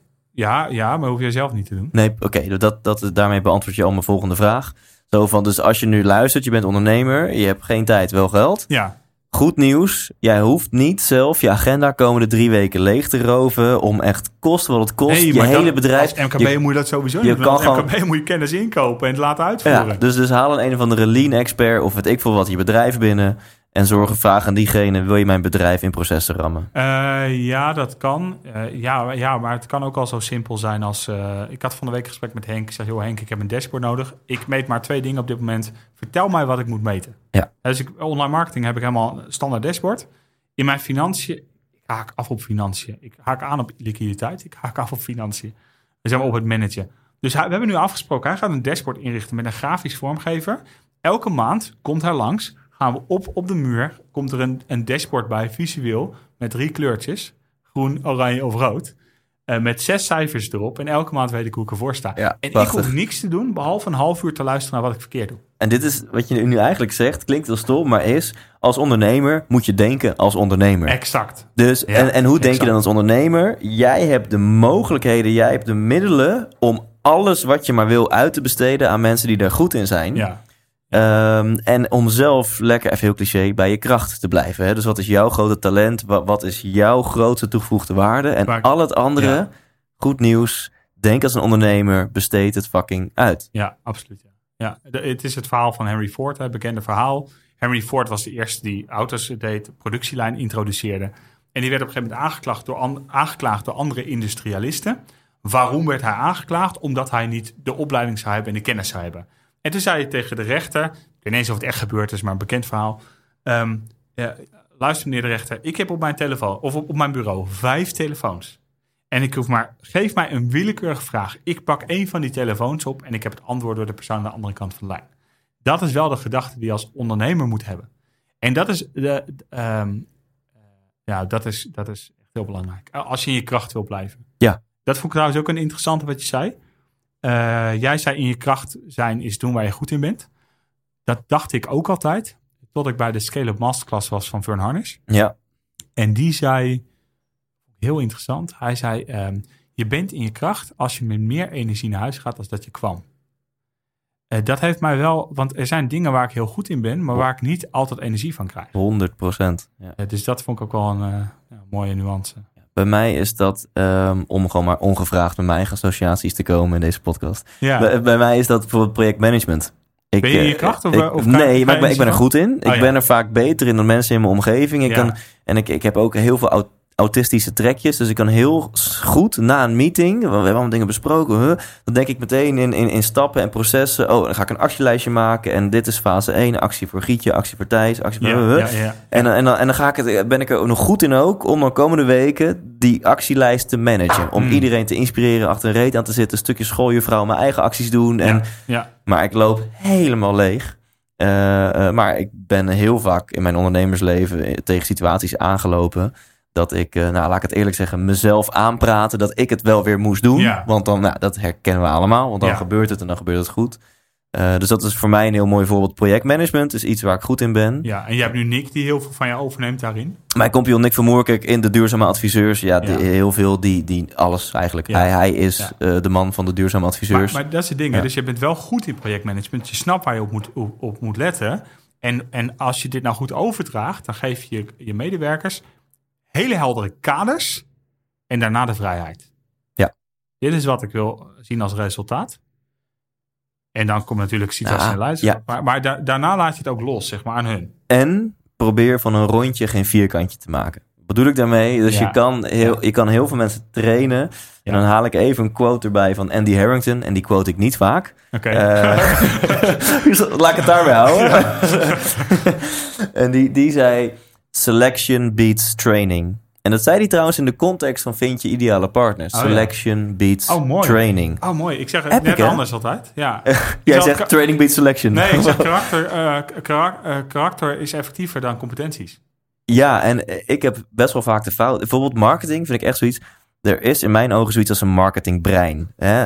En Het feit dat je goed bent in marketing, daar is gewoon, daarvoor moet je een chromosoom missen of een chromosoom, weet ik veel. Maar daar moet je een bepaalde afwijking voor hebben. En daarvoor moet je op een bepaalde manier kunnen denken. Bart doet even een tik naar hier. En, ehm, eh, eh, en ik heb echt gemerkt, als iemand dat niet van nature heeft, dan kan je diegene nog zoveel training, sturing, coaching. En eh, ook als we het dan hebben over projectmanagement, als iemand van zichzelf gewoon een ultieme chaot is, ja, daar kan je heel veel energie in steken. Maar diegene gaat niet de schooljuffrouw zijn die Nee. deze checklist of to-do-list of die dit project heel goed gaat managen. Nee. Als ik, een, als ik dan ook een quote mag aanhalen van John Maxwell. Ik ben opgeleid bij John Maxwell. Ehm, John Maxwell zegt dan... probeer nooit van een 4 en 6 te maken. Want als je heel hard werkt om van iemand een 4 en 6 te maken... is het nog steeds gemiddeld. En Ja. met een gemiddeld eh, persoon win je het niet. Probeer van een 7 9 te maken. Want dan is hij eh, outstanding. Ah, dat vind ik ook zo gaaf. Dat leer ik mijn ondernemers ook altijd. We gaan nooit van een 4 en 6 maken. Maak van een 7 9. Ja. En als je ergens een 4 in bent... alsjeblieft laat het dan iemand over die er een 8 of een 9 in is.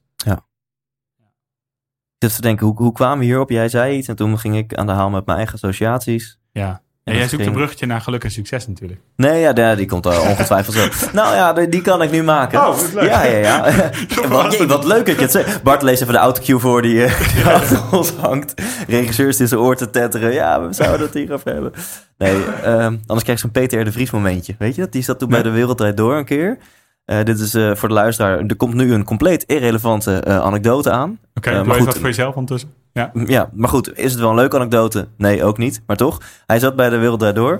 En hij had blijkbaar van tevoren hadden ze beloofd dat hij over zijn nieuwe boek... Heb of ik gezien, ja. Ja, ja, ja. Hij, En vervolgens zit hij daar. En eh, hij zit midden in, een- in een compleet ander verhaal. eh, want Matthijs die stelde hele andere vragen. En toen was het van, nou, dames en heren, bedankt voor het kijken. Morgen weer. We zijn er weer lachend bij. eh, fijne avond. Ja, en toen En zei toen, hij, oh, eh, eventjes. ja. ja, ja. En toen stond hij op, toch? Toen zei hij, of nee, toen, toen zei hij heel eventjes. En terwijl de camera het nog draaide live, zei hij van, ja jongens, wat de fuck is dit? En van tevoren is met afgesproken. Ja, ja, ja. Dus jij zegt nu dat ik zo'n moment... Nee, nee, maar dit is dus het effect. dit, dit is het effect als je een irrelevante anekdote vertelt, dat het daarna stilvalt. En eh, de Nee, andere... ik vind het heel gauw. Nee, de grap is even voor de, voor de luisteraars. We hadden net een voorbespreking van, joh, wat, wat is het thema? Hè? Want anders gaan we alle kanten op. Uh, Thijs en ik eh, we kennen elkaar een beetje. Ehm, en toen, toen hadden we van, nou, het is wel mooi als we het ook over geluk en succes kunnen hebben. Want, Ja. Dus tot zover. Dat was de link. Daarover gesproken. Leuk dat je het bruggetje maakt. Nee, ik was even aan het kijken. Ehm, mensen die nu luisteren en geen ondernemer zijn, die, die voelen misschien de analogie. Die denken, ja, maar wacht eens eventjes. Ik wil dat ook wel. Dat ik alleen maar leuke dingen hoef te doen in mijn leven. En dat ik al het andere kan uitbesteden. Hè? Maar ik ben geen ondernemer met een dikke zak geld die Ja. zo kan denken. Ja. Zowel zakelijk als privé. Want dat is het fijne. Hè? Als je ondernemer bent, kan je dat in principe ook mee naar huis nemen. Ja, ik doe trouwens niet, echt niet alleen maar leuke dingen hoor. Da- ik doe heel veel shit ook. Laten we die eventjes voorop stellen. Ah, Laten we die. Inderdaad. Ehm, maar goed, hoe kan je dus in je gewone leven... wil je natuurlijk ook in principe zoveel mogelijk dingen doen... die je energie geven. Ja, En eh, je wil zo min mogelijk dingen doen die je energie kosten. Ja. Ehm, als ondernemer heb je als hele waardevolle asset een zak geld, als het goed is. Hoe, hoe, hoe, hoe zou je mensen die nu luisteren en dus geen ondernemer zijn... een tip kunnen geven van ja, hoe, hoe je leven er ook uitziet? Hoe kan je meer doen waar je energie van krijgt? En hoe kan je minder doen wat Ja. energie kost? ja, wat sowieso al heel veel energie oplevert, is dat je accepteert dat 20% van je leven gewoon shit is. Dit zeg ik heel vaak tegen mensen. Als je dat accepteert, wordt je levensgeluk gelijk een stuk hoger. Ik vind het heerlijk, want het is een super brede vraag, maar jij weet meteen, bam, al gewoon, dit is een goed inzicht. Ja, Ja. Nou ja de- dus als je accepteert dat 20% shit is, Ja. moet je kijken hoeveel procent van mijn werk is shit. Als dat nou 80% is, doe je de verkeerde dingen. Als 20% is, zeg je ja, facts of life, hoort erbij. Ja. 20% shit. Ja. Ehm, ja, hoe kun je dat doen? Kijk, de uitdaging van, van, van medewerkers, eh, van, van werk in organisatie, is dat je in een organisatie zit waar de structuren vrij helder zijn. En jij een plek hebt gekregen binnen die structuren waarin je een specifieke rol vervult. Met specifieke taken behorende bij die rol. Ja. Eh, vaak zit de weerstand op taakniveau. Niet op rolniveau. Dus ik ben een hele fijne manager, middelmanager, ik zeg maar wat. Of ik ben een heel fijne eh, kassamedewerker. Maar wat ik nou niet leuk vind, is elke keer vragen om, om die, om die, of, of ze zegeltjes erbij willen. Op Ja. taakniveau. Want ik ben, een hele, ik ben heel blij als cashier. Maar elke keer om die, die zegeltjes vragen, dat vind ik niet leuk. Ja, ik, ik, vind, ik ben super happy als consultant, maar dat ik mijn uren bij moet houden, dat vind ik niet chill.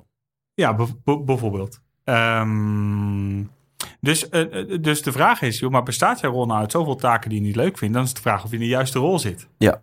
Als dat niet zo is, en dan moet je gewoon zeggen, ja, het hoort erbij. Dit is de deal, dit is de afspraak die ik heb. Dit is de rol in mijn organisatie. Ehm, misschien moet ik hem anders zeggen. Wat, wat mensen vaak doen, dit geef ik in mijn lezing, ook, eh, eh, lezing over werkgeluk en werkstress ook wel eens mee. Wij klassificeren taken op drie manieren. Ofwel we zeggen, dit trekt energie uit ons leven, min min. Ofwel we zeggen, hierdoor krijg ik meer energie dan het me kost, plus plus. Eh, en het is één van twee. Dat is hoe, hoe we het normaal gesproken doen. Het is ofwel, ik vind het niet leuk, ofwel ik vind het wel leuk. En wat ik dan vaak zeg is, je moet eigenlijk een derde categorie creëren. Dus, dus je zou kunnen zeggen moeten of willen. Alles wat je wil, krijg je energie van. Alles wat je moet, neemt energie Ja, weg. ja. En eigenlijk moet je in je hoofd een derde categorie doen. Dat is gewoon taken. Facts of life, de 20%. Ja, En op het moment dat je dan een gevoel hebt van moeten, ja, dan moet je, kijk, dan, het liefst zou je zeggen, ik maak heel NLP-achtig, ik maak van moeten, maak ik willen. ja, Ik ga mijn lijf aan veranderen en ik ga naar andere interne dialoog en nu wil ik het. Nou, ik wil al jaren, ik wil al jaren dat ik wil hardlopen, maar ik wil gewoon niet hardlopen. Hè? Nee, nu wil ik hardlopen. ja. Nee, ja, ik wil ja. echt niet In de spiegel, hey tijger, jij wil hardlopen. Ja, dat. Ja, zo. ja, ik wil dat dus niet. Ja. Dus wat ik moet doen om te gaan hardlopen is het klassificeren als een taak. Dit is een fact of life. Vind ik niet leuk, maar het hoort erbij. Ja. Mag ik ook niet over klagen met mezelf. Op het moment dat je het klassificeert als een taak, ga je niet meer met jezelf in discussie. Want dit hoort erbij. Net als, ik vraag ook wel eens in een lezing, ja, ik maak het dan extreem eh, praktisch, maar wie van jullie zit elke avond met zichzelf in discussie? Ik heb geen zin om de vaatwasser in te ruimen. Niemand. Niemand. Waarom? Je bent een volwassene, het hoort erbij. Dus je, je denkt er bijna niet eens bij na. Ik weet niet of, of jij erbij nadenkt. Ik denk daar niet bij na. Ik doe dat gewoon eventjes. Ik zal het aan mijn butler vragen hoe hij dat precies eh, doet. ja, ja. Ja, daar kom ik ooit ook. Eh, ehm, ik doe gewoon de vaatwasser. Waarom ga je dan wel... Trouwens, als je, als je daar wel over nadenkt... dan moet je even iets gaan doen in je houding, denk ik ook. Want sommige dingen zijn gewoon niet leuk. Dat is ook wat je in het bedrijfsleven moet doen. Als je in je werk zit en daar horen dingen bij... die gewoon erbij horen... Ja. klassificeer het als de vaatwasser. Ja, en, En de dialoog verdwijnt. precies. Maar als dat voor je gevoel meer dan 20% is, dan kunnen er misschien wel alarmbellen gaan rinkelen van hey, Ja, is ja. dit nog wel de juiste Ja. rol waar ik in zit? Ja. Is dit wel het juiste takenpakket? Ja, een thema bij heel veel medewerkers, maar ook bij ondernemers. Ik zag Brandon Bouchard van de week een filmpje sturen over overwhelmed. Ik zag gisteren bij jou een bericht over WhatsApp. Ik heb mijn WhatsApp leeggegooid. Ja, Eh, of ik zag het niet, eh, ik hoorde het van mijn vrouw. Ja. Eh, die volgt jou. Ik denk live ook. Eh, ehm, even kijken. wat- Ja. wat, over, over eh, WhatsApp verwijderen, Brandy Bouchard. eh, overwhelmed. overwhelmed, dat je, dat ja. je overload hebt. Nou, dat is een heel mooi boek. Interessant boek, Schaarste. ja. Dat is van een, eh, een eh, psycholoog van Harvard en een, en een econoom van Princeton. Heb jij het boek gelezen? Nee. Aanrader. Ik kan, ik kan de samenvatting van het boek in één, één zin geven. De samenvatting van het boek is: we hebben een concept, en daar is inmiddels ook bewijs voor. Dat noemen we in de psychologie bandbreedte. Dus je kan zo hoofdruimte, zou je kunnen zeggen. Ik heb zoveel bandbreedte. Ehm, hoe minder de bandbreedte is, dat hebben zij dus statistisch onderzocht. Als je minder bandbreedte hebt, gebeuren er twee dingen. Eén, je executieve functies worden minder. Dus het uitvoeren van logische taken wordt minder. En twee, je liquide intelligentie, of ook wel probleemoplossend vermogen wordt minder. En, wat bedoel je met minder bandbreedte? Met, nou, dus ik heb heel veel hoofdruimte. Ik Ja. kan heel veel aan. Ja. Totdat ik heel veel shit op mijn bord Ja, heb, dan, heb ik veel minder, dan heb ik gewoon minder hoofdruimte. Ja. En, en dan merk je dus ook dat als iemand vraagt, joh, kun je dat mailtje sturen? Dat je soms 10 seconden voor je uitstaat, hoe moet ik dat mailtje sturen? Want je hoofd zit vol. Even voor de nerds onder ons, je CPU-usage. We het bij, bij oude Windows computers, Ja, is super traag. Je denkt alles staat uit en dan je Ja. control delete en dan zag je je kopje CPU-usage. En dan zag je dat er heel veel processen gaande waren. Je werkgeheugen zit vol, je korte termijn geheugen. Ja. ja. Er is trouwens een the- therapie voor, Cogmet. Kun je het mee eh, eh, verbreden, maar... Fine. Ehm, die bandbreedte, eh, wat je vaak ziet bij mensen en organisaties, is dat als ze thuis geen shit hebben, is er een heel veel bandbreedte, kunnen ze heel veel aan. Doordat er een, een oom of tante ziek wordt, of een ouder of een partner, en er is mantelzorg, dan wordt de bandbreedte wordt grotendeels direct opgeslokt door Ja. dat stuk. Ja. Dus waar je vroeger 90% bandbreedte had, omdat je thuis maar 10% bandbreedte gebruikte, heb je nu ineens nog maar 50% wa- bandbreedte op je werk. Maar de workload is hetzelfde Ja. en dan ont- ervaar je druk. Ja. Ehm, ik ervaar dat dus met mijn bedrijf, hè. Nieuwe collega's erbij, mensen aan het inwerken. Mijn bandbreedte is veel minder en mijn geluk gaat naar beneden. Ja. Dus ik ben minder gelukkig op dit moment, omdat mijn bandbreedte minder is. Ja. Want, want ik heb bij alles het gevoel, oh, het is heel veel. En ik weet, dit is een periode van 1, 2, 3 maanden. Dan zijn de processen verbeterd en hebben we een organisatieslag gemaakt. Ja. Ehm, dus dat stukje bandbreedte in de gaten houden, dat is belangrijk. Hoe kwamen we hierop? Nou, ik heb uiteindelijk weer het linkje te pakken. Eh, die, die, die schoot weer te binnen. Maar ik vind dit al... eh, ik hou gewoon sowieso van, van psychologie en dit soort inzichten. En de meeste van mijn luisteraars ook. En wat jij nu ook zegt is heel tof. Het kan best soms zijn als het een, dat het een bewuste keuze is... om op korte termijn dat je weet... mijn bandbreedte gaat even... wordt smaller. Ik zit Ja. nu ook in zo'n fase, want ik ben... eh, mijn echte BV, wil ik eigenlijk zeggen... maar omdat dat ook echt qua juridische entiteit een BV is. Ja. De duurzame adviseurs loopt eh, ontzettend goed. Ja. 100% goed. Ja. Ehm, maar mijn andere BV, wat een eenmanszaak is, 100% Thijs, 100% inspiratie. eh, daar wil ik heel veel structuur in aanbrengen. En ik zit nu Mhm. echt in een fase dat we die structuur samen met mijn assistent en dat erin aan het brengen. En ik merk En dat nu mijn bandbreedte Ja. smaller wordt. Maar ik weet, we zitten nu alweer op de weg terug, dat mijn bandbreedte breder wordt. Want het geeft me nu zoveel rust dat, dat alle back-office gewoon 100% eh, wordt ondervangen. ja, mijn tip zou zijn, Ja. in dat stukje gaat niet te veel standaardiseren, want dan verlies je speelsheid. Zo begon deze podcast. Want dat is het gevaar, dat, dat ken jij ook. Op het moment dat je dingen gaat standaardiseren, omdat je doelen wil bereiken, verlies je de speelsheid en gaat direct de energie in de Nou, passie eruit. ja, maar ja, ja en. Oeh, ik zei bijna maar. Ah, dat is Oeh, dat was heel echt- vaak maar, maar, maar, maar, maar. Ik hou van maar, maar. Ik ben heel gezond, Ik, eh, maar ik eet hamburgers. Ik zeg bijna nooit maar, Nee. maar ik wil even eh, zeggen dat. Ehm, nee, eh, ja, ik heb gemerkt hoe... ehm, nou, eigenlijk, even Thijs, wat wil je zeggen? Mag ik heel even wat vragen Ja. tussendoor? Hou me vast. Wat is de obsessie met mensen met dat je het woord maar niet mag zeggen? Dat is een NLP-dingetje. Maar waar, dat, Nou, dat... ehm, ik weet wel waarom je vragen nooit mag beginnen met waarom. Dat, dat heeft gewoon voor 80% negatieve lading. Oké. En Eh, waarom is dat, denk je? Als ik nu jou vraag van, hé, hey, eh, wat leuk dat je een blouseje aan hebt. eh, hoe komt het dat je een... eh, of, of wat, wat maakt dat je vandaag een blouseje aan hebt? Ja. Dan denk je gewoon, oh, Thijs is gewoon geïnteresseerd. En Ja. van, nou ja, ik heb een blouseje aan, want dan zie ik er extra sexy uit of Ja. wat dan ook. Ja. Maar als hé hey Bart, waarom heb jij een blouse aan? Dat komt vet aanvallend over. Dan denk je, joh gast, eh, is er iets meer? Maar goed, Ja, ja oké. Kunnen we nog over... Ja, Ja, dan kun je het ook even over intentie. Oké, nevermind. Normale communicatie. Alright.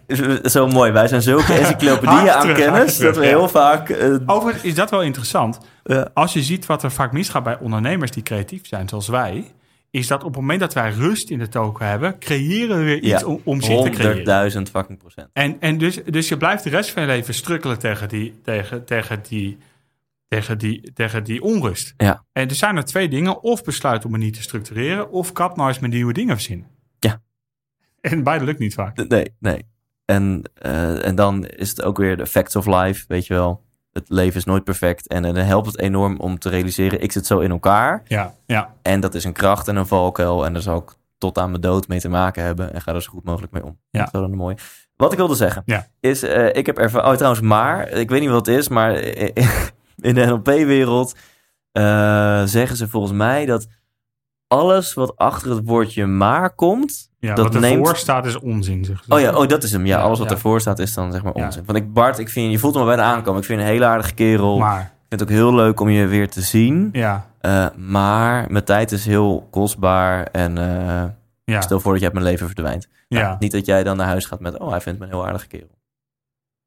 Eh, nee, hoewel ik heb een keer een gesprek gehad met een goede vriend. Ik zei, joh, je bent wel een goede vriend, maar ik heb andere prioriteiten in mijn leven.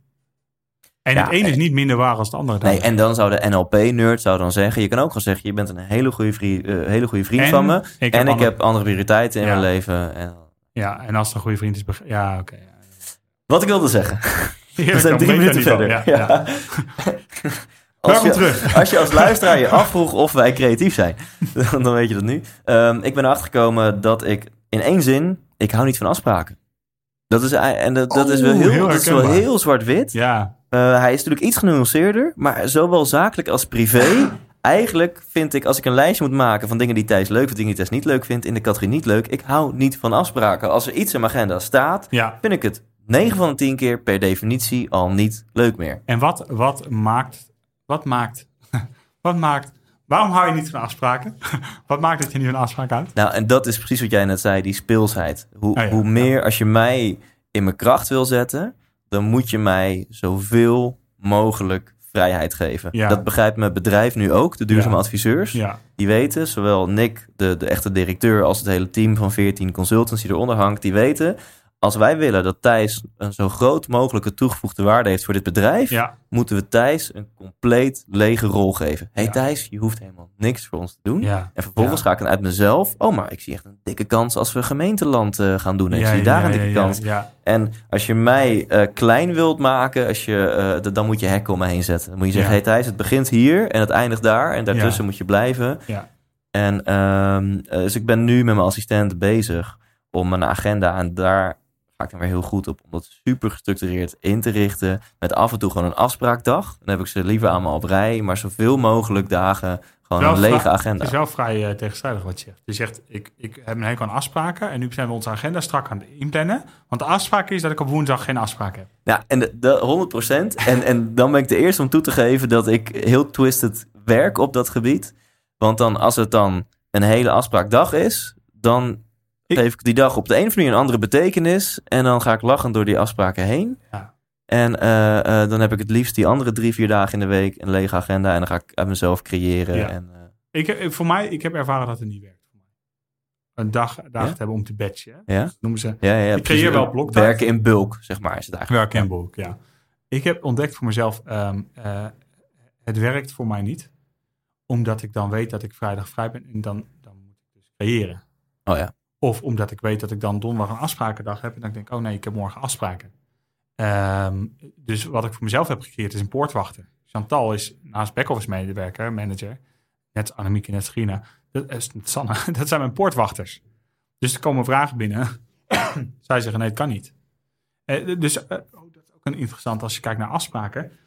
Eén ding die ik heb ontdekt bij ondernemers, bij mezelf, eh, die en creatief zijn en actiegericht, is dat de grootste valkuil is dat, ze, dat zij ingaan op afspraken Ja. met mensen. Ja. Want dan krijgen ze nieuwe ideeën Ja. en ze gaan naar buiten met afspraken waar ze eigenlijk helemaal niet op zaten te wachten. Ja. Eh, maar dat is omdat je een goed idee denkt, ja, goed idee. En vervolgens loop je naar buiten en denk je, ja, shit, nu heb ik weer een afspraak staan. Dus, dus daar, dat heb ik ook voor mezelf gezegd. Ik initieer alleen afspraken die voor mij toegevoegd waarde in mijn business. Ja. En heel veel kansen laat ik aan me voorbij gaan.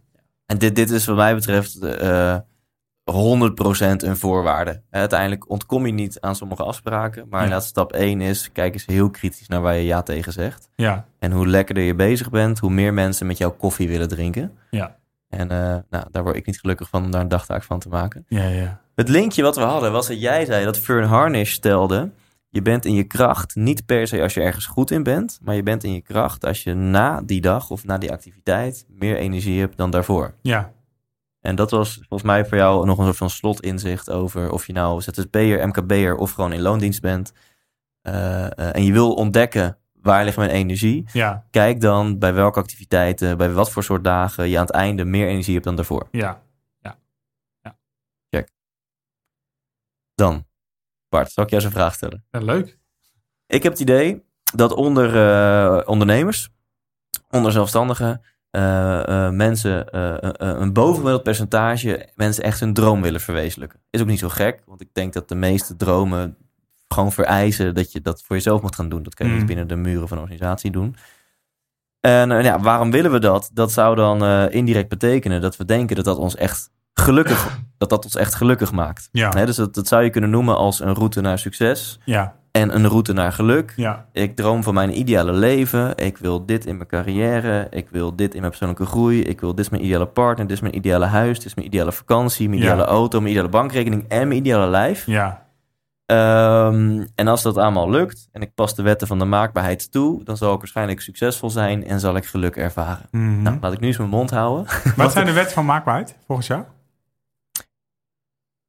In mijn ogen is, ehm, maar dat ben ik het dus niet. Ik zeg niet dat de route is naar geluk, maar wat mij betreft is de route naar succes. Ja. Dus, dus je wil X bereiken. Ja, dan zou ik zeggen: één, eh, ontdek wel eerst even dat X echt iets is wat jou energie geeft. Dus je Mhm. moet het wel leuk vinden. Mhm. Twee, zorg voor focus. Maak het super eh, duidelijk. Drie, zorg voor de juiste strategieën. En dan komt stap vier pas. Ga dus keihard werken. Dus met iets wat jou energie geeft, met de juiste focus en met Ja. de juiste strategieën. Stap vier, keihard werken. Stap vijf, vallen en opstaan. Vallen en opstaan, vallen en opstaan. ja. Dit is wat mij betreft een formule naar succes. Hmm. Ja, ik denk dat het redelijk klopt, ja. Ja. Ehm, ik zit daar een soort, ehm, soort eh, conflicterende overtuiging met mijzelf. Dus dat is een worsteling van mijzelf. En eh, daar vind ik het fijn om daarover te praten, omdat in het praten kom je tot inzichten. Ja. Sleutelinzicht eh, die ik van jou heb trouwens, is dat er een verschil is tussen succes en geluk. Als je dat hoort, denk je, ja, dat is heel logisch. Hè? Dat is iets wat heel erg resoneert met, met eh, wat je eigenlijk al wist, maar nooit bewust van was. Ja. Ehm, er is een verschil tussen succes en geluk. Dat, dat is, ja. Mijn conflicterende overtuiging zit, ik ben christen. Ik geloof dat er een God is die mijn leven leidt. Ik geloof dat er een God is die deze aarde heeft gecreëerd en in zijn hand houdt. En ik geloof dat hij wetten in deze schepping heeft gelegd die zichzelf voortbrengen.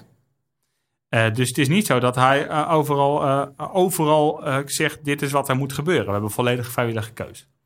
Dus, dus zeker toen ik een paar jaar geleden bij Robbins was geweest. En, toen toen, toen wa- kwam ik daar vandaan, ook naar mijn NLP-opleiding toen 23 Ja. was. Alles is maakbaar. Als ik de juiste strategie heb, als ik het modelleer, is het maakbaar. En de realiteit is dat ik heb ontdekt dat dat niet zo is. Voor mij in ieder geval. En, en, en, en, en eh, daar zat ik in een soort conflicterende overtuiging. Mijn antwoord is altijd geweest, is co-creatie. Tot nu toe. Dat wil zeggen, ik geloof dan in een God. Voor, wa- wat God voor mij is, die, die, legt, die legt voor mij kansen op mijn pad. Die, die, die zorgt voor de volgende stap. En het is aan mij de vraag of ik die stap wil zetten of een andere stap wil zetten. Ja. In mijn onderbuik weet ik welke stap ik moet zetten. Mijn hoofd praat me er vaak uit. Dus er verschil Ja. tussen denken en weten. Ja. Dat wil zeggen dus, God heeft een ideale weg voor mij. En aan mij de vraag of ik zijn weg wil lopen. Eh, als ik daar bewust voor kies om dat niet te doen, ga ik dus een ander pad dan, dan ideaal voor mij gepland was. Eh, Adjustment Bureaus, een heel interessante eh, film om eens over na te denken. Om, om eens te kijken, omdat dat, dat dit concept. Mhm. ehm, waarom zeg ik dit? Is? Uiteindelijk is de stelling: maakbaarheid van het leven, succes, maakt dat gelukkig. Eh, Oh ja. En, en je Ja, hoofd, dat is denk ik wat ik wil zeggen, je hoofd wil heel graag, die, die, raakt in verleiding voor succes. Ja, en dat, is, dat, is, dat was eigenlijk ook eh, toen ik daarover nadacht afgelopen week. Toen ik vorige week dat hoorde van jou, het verschil tussen succes en geluk. Toen dacht ik, ja, daar heb je gelijk in. Succes is maakbaar, geluk niet. En ook dat is, eh, kun je afvragen. Je kunt je afvragen of succes maakbaar is. En je kunt je afvragen of geluk niet maakbaar is. Want bij geluk kun je zeggen, je filosofie bepaalt heel erg of je, of je gelukkig bent of niet. En bij succes kun je heel erg zeggen, of je één keer doorgaat, langer doorgaat dan je wil, dan, dan één keer vaker opstaat dan je gevallen bent, bepaalt of je succesvol wordt of niet.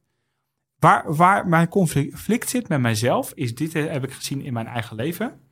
Eh, en het is heel makkelijk te zeggen als ik terugkijk op mijn leven, want ik ben nu hier. Ja.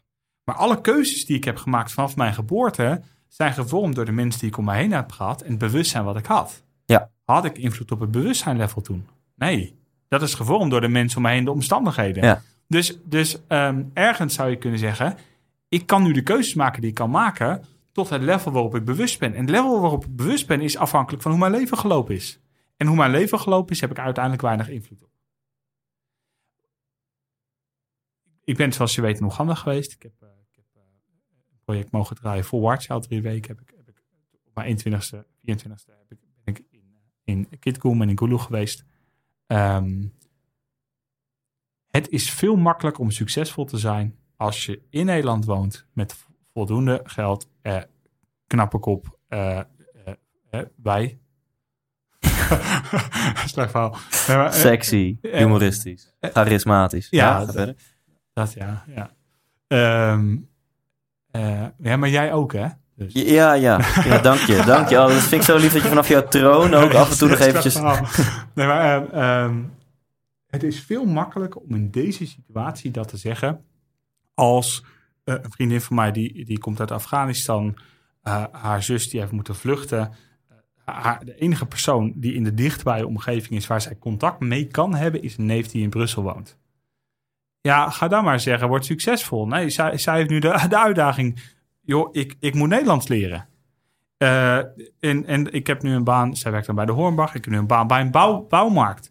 Voor haar was het succes wat zij toen had. Zij is opgeleid als Franstalige docent. Zij had universitaire opleiding heeft ze, heeft ze gedaan.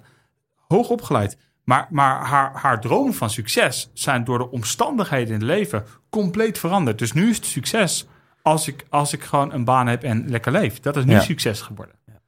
Eh, dus, dus, dus ik denk dat, dat onze definitie van succes, die moeten we gaan herdefiniëren. Succes is, is eh, dat, vind ik dan aan de, dat vind ik dan de overheid toch wel mooi. Succes is werken naar vermogen. Dus je, je maakt hem heel relatief op die manier, de definitie. Bedoel je dat? Ja, als, als je geboren bent met een, met een hersenafwijking. En je, het hoogst haalbare is dat je, je kan. broer van een goede vriend van mij is geboren met, met eh, gewoon een, een uitdaging fysiek. Hij is ontzettend blij dat hij, dat hij eh, zakjes kan dichtvouwen. Ja. Dat is zijn definitie van succes. Als je zegt tegen. tegen eh, dat is niet de definitie van succes in onze maatschappij. Dus, dus ik denk dat wij niet, wij moeten eigenlijk stoppen als maatschappij met zeggen, wij zijn succesvol als. En dan het rijtje van alles in uiterlijke Ja. factoren. En we moeten zeggen, je bent succesvol als je doet wat je kan op de plek waar je bent. Ja. Ik, de, de, ja, ik nee, absoluut. En ik ma- mag ik daarop ingaan, Bart? Ja, ga, ja, ik vind het een gave discussie nou. We- omdat, we leunen heel dicht aan Ja, ik denk allereerst vind ik het altijd... eh, want je, je zou heel wijs kunnen zeggen... de definitie van succes is de mate waarin je gelukkig bent.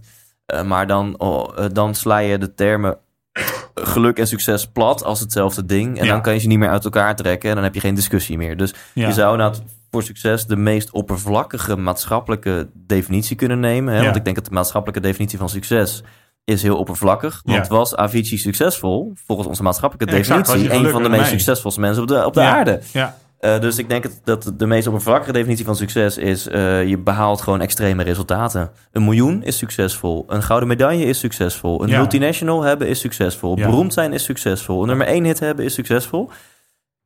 Ik denk dat je hem wat persoonlijker kan maken... door te zeggen succes is het creëren van jouw ideale omstandigheden. En dan zou je jouw toevoeging daarop binnen de mogelijkheden die je hebt... Ja, Maar dan nog steeds is succes een stukje buitenkant. Eh, en dan vind ik het heel interessant. Is dus eh, eh, succes, oftewel het creëren van jouw ideale omstandigheden binnen de mogelijkheden die je hebt, ja, is dat de snelste route naar geluk?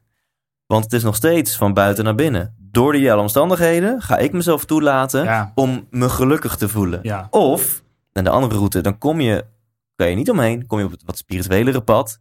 Kun je met je mindset, met meditatie, met bidden, whatever, jezelf trainen om gelukkig te zijn, ongeacht de omstandigheden. Dus dat is de middenweg. En dan heb je nog een derde. Kan ik door mijn identiteit veranderen in één keer alles transformeren. En dus, dus ik bekijk toe. even vanuit een psychologisch Ja, model, toe. omdat het handvatten geeft. Eh, want anders blijf je in filosofie hangen. En, en een psychologisch model kan helpen. En een model wat ik vaak gebruik hierbij, als je kijkt op identiteit en gedrag, is de piramide van Bateson. Laagste niveau is het resultaat wat je ziet in je leven. Niveau daarboven is het gedrag wat je doet. Dat is het zichtbare niveau. Dus ik doe een bepaald gedrag, daardoor zie ik een bepaald resultaat. Dit is zichtbaar. Doet iemand het goed, ja of nee? Nou, kun je zien wat voor auto die rijdt. Hè, succes gezien. Eh, kun je zien wat voor auto die rijdt en, en eh, hoe die omgaat met andere mensen. Zichtbaar. Daarboven, dus dat is één weg. Hè? Je bent succesvol als je resultaten Ja, hebt en als ja. je dit laat zien in je gedrag. Eh, dan heb je de tweede, dat is vanuit het midden, zeg maar, vanuit de psychologie. Want daarboven is dan heb je de kennis en kunde. Weet je hoe je dingen moet doen? Kun je het doen? Kun je het modelleren? Kun je het strategie? En heb je de overtuigingen? Ja? Dan geloof je dat het kan. En dan heb je daarboven nog eh, kernwaarden en identiteit, missie. Je zou kunnen zeggen, de weg naar geluk is van resultaten naar andere skills kunnen, naar anders gaan denken, naar andere waarden gaan aanhangen, omdat ik anders denk en daardoor verandert mijn identiteit. Dat, zijn vrij, eh, dat is de, de weg die de meeste mensen najagen. Je kan ook zeggen, eh, op het moment dat mijn identiteit verandert, vind ik andere dingen belangrijk in mijn leven, geloof ik anders over mezelf. eh, ehm, daardoor vind ik andere dingen belangrijk om te gaan leren en daardoor ga ik anders gedragen en daardoor worden mijn resultaten anders. En dan vind ik het een hele leuke vraag. Is er zoiets als je identiteit veranderen? Of is er zoiets, je hebt maar één identiteit en probeer die te vinden? Ja, dus, dan, dan, ja, dus dat, dat is een zoektocht naar jezelf. Kijk, eh, vanuit mijn christelijke eh, eh, levensovertuiging. ehm, ik ken geen andere overtuiging die dezezelfde ervaring heeft eh, gehad van transformatie. Die, die zijn er ongetwijfeld in boeddhisten en taoïsten. Ehm, op het moment dat ik Christus aannam als mijn persoonlijk verlosser, hè, dus op het moment dat ik christen werd, accepteerde ik dat ik een geliefd kind ben van God. Daarmee is mijn complete, heb ik, heb ik op mijn dertiende gedaan, op mijn vijftiende heb ik me laten dopen. Vanaf dat moment heb ik, heb ik eh, voor mijn gevoel een complete transformatie doorgaan. Als ik dat punt niet in mijn leven had gehad, had ik nu niet gestaan waar ik ben. Dat is wat ik geloof. Omdat vanaf dat moment was ik niet meer die gast die twaalf keer is verhuisd. Twee pleeggezinnen, moeilijk, altijd te druk. Nooit aanwezig in de klas, veel te veel, eh, altijd schreeuwen thuis, moeilijk, moeilijk. Ik was dat niet meer. Ik was een geliefd kind van God. Dat heeft ervoor gezorgd dat ik andere dingen belangrijk vond. Liefhebben van andere mensen. Dat heeft ervoor gezorgd dat ik anders over mezelf ging denken. Ik geloofde andere dingen over mezelf. Daardoor wilde ik andere dingen leren, zodat ik in dienst kon zijn van anderen. Daardoor ben ik gaan ondernemen. Daardoor ben ik uiteindelijk succesvol. Ik denk als ik dat niet had gehad, had ik een hele lange route moeten afleggen naar, naar succesvol worden. En een mooi voorbeeld daarvan is eh, eh, Henry Nouwen. Ken je Henry Nouwen? Nee. Professor aan Harvard. Heeft zijn hele leven geworsteld met zijn identiteit. Eh viel op mannen. Eh, conflicterende overtuigingen van, oh nee, ik mag niet op mannen vallen, want eh, ik hou van God. Allerlei conflicterende overtuigingen. Ik laat even los wat, wat je daarvan vindt. Wat ik daarvan vind, is allemaal niet zo relevant. Zijn hele leven heeft hij geworsteld. Beter worden, succesvoller worden, doctoraat halen, professor worden aan Harvard. En op een gegeven moment was hij, volgens mij in de jaren, toen hij in zijn zestiger jaren was, toen zei hij, ik ben het zo zat om te streven naar dat hoogste niveau van succes en het verdienen van mijn succes en daardoor gelukkig worden. Het is voor mij noodzakelijk om dingen anders te doen. Toen heeft hij alles opgezegd, is hij in daycare gaan wonen, heeft hij, heeft hij jarenlang met eh, mensen gewoond eh, die, mentaal gezien heel weinig konden. eh, mensen met een verstandelijke beperking. En toen zei hij, daar heb ik pas geleerd wat mijn identiteit is. Daar heb ik pas geleerd wat, wat het is om geliefd te zijn zonder te hoeven presteren. Ja. Daar is mijn identiteit pas veranderd. En, ehm, en dat is wat ik, wat ik denk. Ik denk dat we in de kleine dingen van het leven, dat we daar het geluk in vinden. Dus, dus dat, met de auto, jij rijdt een Tesla, V60, hiervoor had ik een V40, daarvoor had ik een Fiat Punto. Daarvoor had ik V50 gebruikt. Maar, dus ik dacht, oké, mijn, mijn droom is, ik had een Fiat Punto, ik had mijn bedrijf verkocht, ik moet kleiner. Als ik toch een V40 heb, ik ga daarvoor werken. Dan, want dan ben ik iemand. Even in het klein, Ja, want dat was niet alles, maar dat is een stukje. Toen had ik die V40, dacht ik, wat een flip, ik wil een V60. En nu kijk ik af en toe naar een V90. Terwijl op het moment dat je het succes hebt bereikt, is het succes irrelevant geworden. Want er komt het volgende doel. Op het moment dat het, het doel heilig is, eh, vergeet je te genieten van het proces. Ja. Echt een cliché, maar Oh, maar nee, ja, ik, ik heb deze op tien andere formuleringen gehoord, maar nog niet op deze. Dus op het moment dat het doel heilig is, geniet je niet meer van het proces. ja. Dat vind ik een, eh, vind ik een hele goeie. En, en eh, dus, dus, dus, en dat betekent dus niet, ik moet gaan genieten van het proces, want het proces is belangrijker dan doel. Mij lukt het vaak niet om te genieten van het proces, want ik wil gewoon het doel bereiken. Maar zeggen, het doel is niet meer het belangrijkste. Dit resoneert zo. Ik heb gisteren een wijze brainstorm gehad met mensen over hoe we mijn tour in eh, mei, ik wil geen promotie doen, maar in mei sta ik weer in alle theaters in Nederland. In Leukste mei, avond van je leven. Ja, tijdslint.nl is een inspiratieshow. Ja. Nee, en toen heb ik ze uitgelegd van ja, ik ben echt een onwijze achiever. Dus natuurlijk, we hebben 1300 tickets over die hele tour. Ja, dus jij zei dat je dus- vanaf mei weer in het theater staat over heel Nederland, via slash show. Ja, een Ja, oké. ehm, waanzinnige avond waarin je meer leert over jouw zoektocht naar geluk in het leven. Ja, dan Ja? deze podcast ooit kan, of überhaupt Ja, en ik, eh, ik had de laatst nog... eh, ehm, ja, ik wil niet, niet zo aan, aan, aan name dropping doen. Ik had het laatst nog met Guido Weijers en Angela Groothuizen over. Zij zijn bij die show geweest en die vonden het fantastisch. Ja. Ehm, nee, wat wou ik nou zeggen? Oh ja. Je had gisteren brainstorm met Achievers, dat zei Nee. En toen, eh, toen, toen is precies wat jij nu zegt, probeerde ik eigenlijk uit te leggen aan de mensen met wie ik een brainstorm had. Van ja, tuurlijk gaan we een actieplan maken. Ja. En ga ik voor die 1300 tickets, ik wil die tour uitverkopen. Ja. En ik wilde ze ook duidelijk maken. Het, bij bewijs van spreken, het interesseert me geen reet als we hem niet uitverkopen. Ja. Sterker nog, ik ga ervan uit dat we hem voor 60 tot 80 procent Ja. uitverkopen. Ja. En toen liepen zij compleet vast. Ja, maar als je geen doel hebt, dan... eh, en, maar dit is... En ik snap dat dat heel gek klinkt, maar dit is precies wat ik ermee bedoelde. Van op het moment dat het doel heilig wordt, geniet ik niet meer van het proces. En die route, nou die kennen wij allebei, laat ik voor mezelf spreken. Die route van het doel heilig maken, die ken ik maar al te goed. Ja, dat, ja.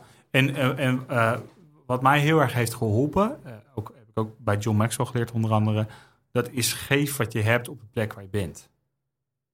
Geef wat je hebt op de plek waar je bent. Dat is voor mij het alternatief van het doel. Ik had als doel altijd, ik wil dit bereiken, sales seminar. Ga een sales seminar geven, dit is wat ik wil bereiken. 250 me- man in de zaal, BNR, lang verhaal. Gas, gas, gas, gas, gas, gas. Dat is wat ik wil. Ja. Wat ik ga doen, is ik ga gewoon geven wat ik heb op de plek waar ik ben. Iedereen die ik spreek, in mijn sales, want ik doe zelf nog een stuk sales. Ik ben even benieuwd, waar ben je naar op zoek? Ik ga nooit iets verkopen waar, waar mensen niet eh, eh, echt gelukkig mee zijn. Ik, ik geef aan deze persoon wat ik kan geven op de Ja. plek waar ik ben. En, en dat hele doel is wel belangrijk, want ik wil iets bereiken. Maar als ik het niet bereik, is het ook niet zo belangrijk. Eh, als ik maar iemand ben die, die continu bezig is met het, met het leveren van meer waarde aan anderen. Ja, en dit vind ik heel tof, omdat hoe langer ik nadenk, onwijs veel onderzoek doe op alle mogelijke manieren naar het thema geluk, hoe meer ik erachter kom dat mindfulness, hè, in het moment, in flow, dat is zo'n essentieel onderdeel van een gelukkig Ja. leven. Ja, En wat je nu doet, doet ook direct een beroep op leef nou maar gewoon in het nu. Geef Ja. wat je hebt op de plek waar je bent. op de plek waar je en bent. vertrouw het proces. Ja, en dat is, dan kan je zakelijke plannen hebben van ik wil dit nog aanpassen en meer structuur en ik wil die mensen aannemen of privéplannen, ik wil dat Ja. huis of dat sportschoolmoment of, of eh, de- eh. Ja, maar daar word je heel onrustig van, Ja. want dan zeg je eigenlijk telkens ik ben pas gelukkig als, Ja. ik ben zelfs succesvol als Ja. en als je dan, dat is ook leuk en werk aan die plannen, hou die plannen, plak het op de muur ja, en vervolgens geef wat je hebt op de plek waar je bent en dat maakt het dan ineens zo klein ja. en ik voel gewoon een soort van ontspanning al bij die overtuiging. ook, ook in de zorg en in het onderwijs. Eh, ehm, zie ik docenten die helemaal overweldigd worden, 32 leerlingen. Hoe ga ik nou voldoening halen? Want ik moet zoveel administratie doen. Help, ik zie zoveel cliënten. Oké, maar, maar kun je in het moment zijn met je cliënt? Kun je in het moment zijn met je leerling. En dan ontstaat de flow. In een gesprek als dit kan ik hier zijn, dan ontstaat de flow. Ja. En dan lever ik ook de meeste waarde, want dat is echt verbinding. Dat heb ik van mijn zus geleerd. Wil ik dan toch even reclame voor maken. Forien.nl, Forien. En Forien is maar... eh, eh, Hoe schrijf je dat? F-O-R-I-E-N. F-O-R-I-E-N. Oké, ja, ja. Eh, zij is mindfulness trainer. Zij heeft uitdaging gehad in het leven, ziekteproces. Zij is mindfulness trainer gaan de masteropleiding als master mindfulness trainer. Ehm, ik heb daar de acht weken gevolgd, mindfulness. En daar leerde ik een heel belangrijk concept, wat je eigenlijk niet in woorden kan zeggen. Ze zegt eigenlijk zijn er drie manieren om te, om te reageren op een, op een situatie. De eerste twee ken ik. Eerst is handelen. De tweede is vluchten. Dan heb je fight, flight, freeze, dat verhaal. Maar nee, zij zegt het is handelen en er is vluchten. Ik ben altijd aan het handelen. Handelen, handelen, handelen. Als er een probleem is, ik fix het. Ik ben de fixer. Geef me een probleem, ik fix het. Ehm, het derde is een, is een, een concept wat uit, eh, uit de Chinese filosofie komt. Dat heet Wu Wei. Dat is bewust kiezen om waar te nemen en niet te handelen. Dus, en met gevoel, ik, ik voel me nu even niet lekker in mijn vel. Ik neem dit waar en ik kies ervoor om niet te handelen. Ik zie iemand strukkelen, een medewerker zie ik strukkelen met dingen uitvoeren. Ik hoef niet te zeggen, joh, joh, ik ben even weg. Of ik hoef ook niet te zeggen, joh, zo moet je doen. Ik mag gewoon waarnemen hoe de ander even strukkelt. En de ander het proces gunnen van de worsteling. Nou, dat, dat concept is volgens mij heel moeilijk om te masteren. Maar, maar eh, dat heeft mij heel erg geholpen om, om te zeggen, oké, ik voel me nu even zo. En ik kies ervoor om er even niks van te vinden. En het gewoon te, ervaren. Ik voel Ja, dit. ja. Eh, daarmee wordt je gevoelsbeeld veel rijker. En daarmee wordt het proces eh, wordt veel meer iets wa- wat, je, ja, wat echt je veel leert. Zeg maar. En om dan over het moment nu te spreken. Ja. eh, volgens mij hebben we best wel mooi gesprek neergezet hier. Ja, Meneer Bart van den Belt. ja. Heel blij ermee. Ja, wat ik persoonlijk heel tof vind is dat jij bent zo'n ontzettende encyclopedie. Eh dat, dat merken mensen als ze dit horen. Het is zo, zo tof dat je, dat je nog steeds luistert. Af en toe alweer in een bijzinnetje en dat onderzoek en dat boek en die training en die Mm. cursus en die theorie en die filosofie. Dus je hebt echt een encyclopedie aan kennis. En we En, hadden va- ook en soms klopt het ook nog. En heel soms klopt het ook nog. En we hadden ook gewoon 90 minuten kunnen vullen. Met, dat hebben we trouwens in het vorige interview wel een beetje gedaan. Toen zeker het laatste 20 minuten. Toen werd jij echt een soort van contentmachine. Drie tips voor een succesvolle relatie. Drie tips voor een succesvol leven. Drie, nee, maar dat, ik was je aan het uitdagen daarin. En dat hadden we nu ook kunnen doen. Maar we hebben nu veel meer Bart van den Belt gezien. Als mens. Ook met jouw struggles. Eh, met jouw successen. Met, jou, met jouw valkuilen. En eh, dat vind ik heel tof. Mooi, dankjewel. Ik heb nog één eh, laatste vraag en daarna gaan we met iets heel bijzonders komen. Maar ik denk dat je hem al beantwoordt en dat mag je dan zelf aangeven of je dat vindt. Want mijn laatste vraag die ik eigenlijk aan jou wilde stellen gaat over de heilige graal. En dat zie ik als, hoe kun je dus, want ja, we willen onze dromen realiseren. Weet je wel, wij gaan er niet vertellen, ga lekker in die lotushouding zitten en geef wat je hebt eh, eh, in het moment. Want als je dat 14 uur per dag doet, weet je niet of dat zeg maar super leuk Misschien niet altijd succesvol. Ik denk wel dat je heel gelukkig wordt. ja, ik weet niet hoe, of het praktisch haalbaar is. Dus, dus laten we veronderstellen, we willen heel graag wel, wat het ook voor ons is, ons ideale leven leiden, onze dromen realiseren. Maar we willen dus ook genieten van het proces. Ja. Wat is wat jou betreft de heilige graal? Dus hoe kunnen we gas geven zonder op te branden? Hoe kunnen we werken aan een ideale toekomst en elke dag genieten van het proces? Eh, stip op de horizon zetten. En de stip daarna loslaten. Zijn waar je bent. Zeg maar, eh, ik heb een stip op de horizon. Ik hoef maar één stap te zetten. Eigenlijk is het zijn waar je bent. Tweede is eh, één stap tegelijk. Ja, Mooi. dit is, waarschijnlijk is dit wat iedereen zegt. Nee, dit is tof. Oh. Dit is epic. Dit moet op een tegeltje wat mij betreft. Mensen die nu luisteren en die ZZP'er zijn, MKB'er. of MKB'er zijn, of van plan zijn dat te worden, die kunnen eh, in een eh 2,5 uur s'avonds Ja.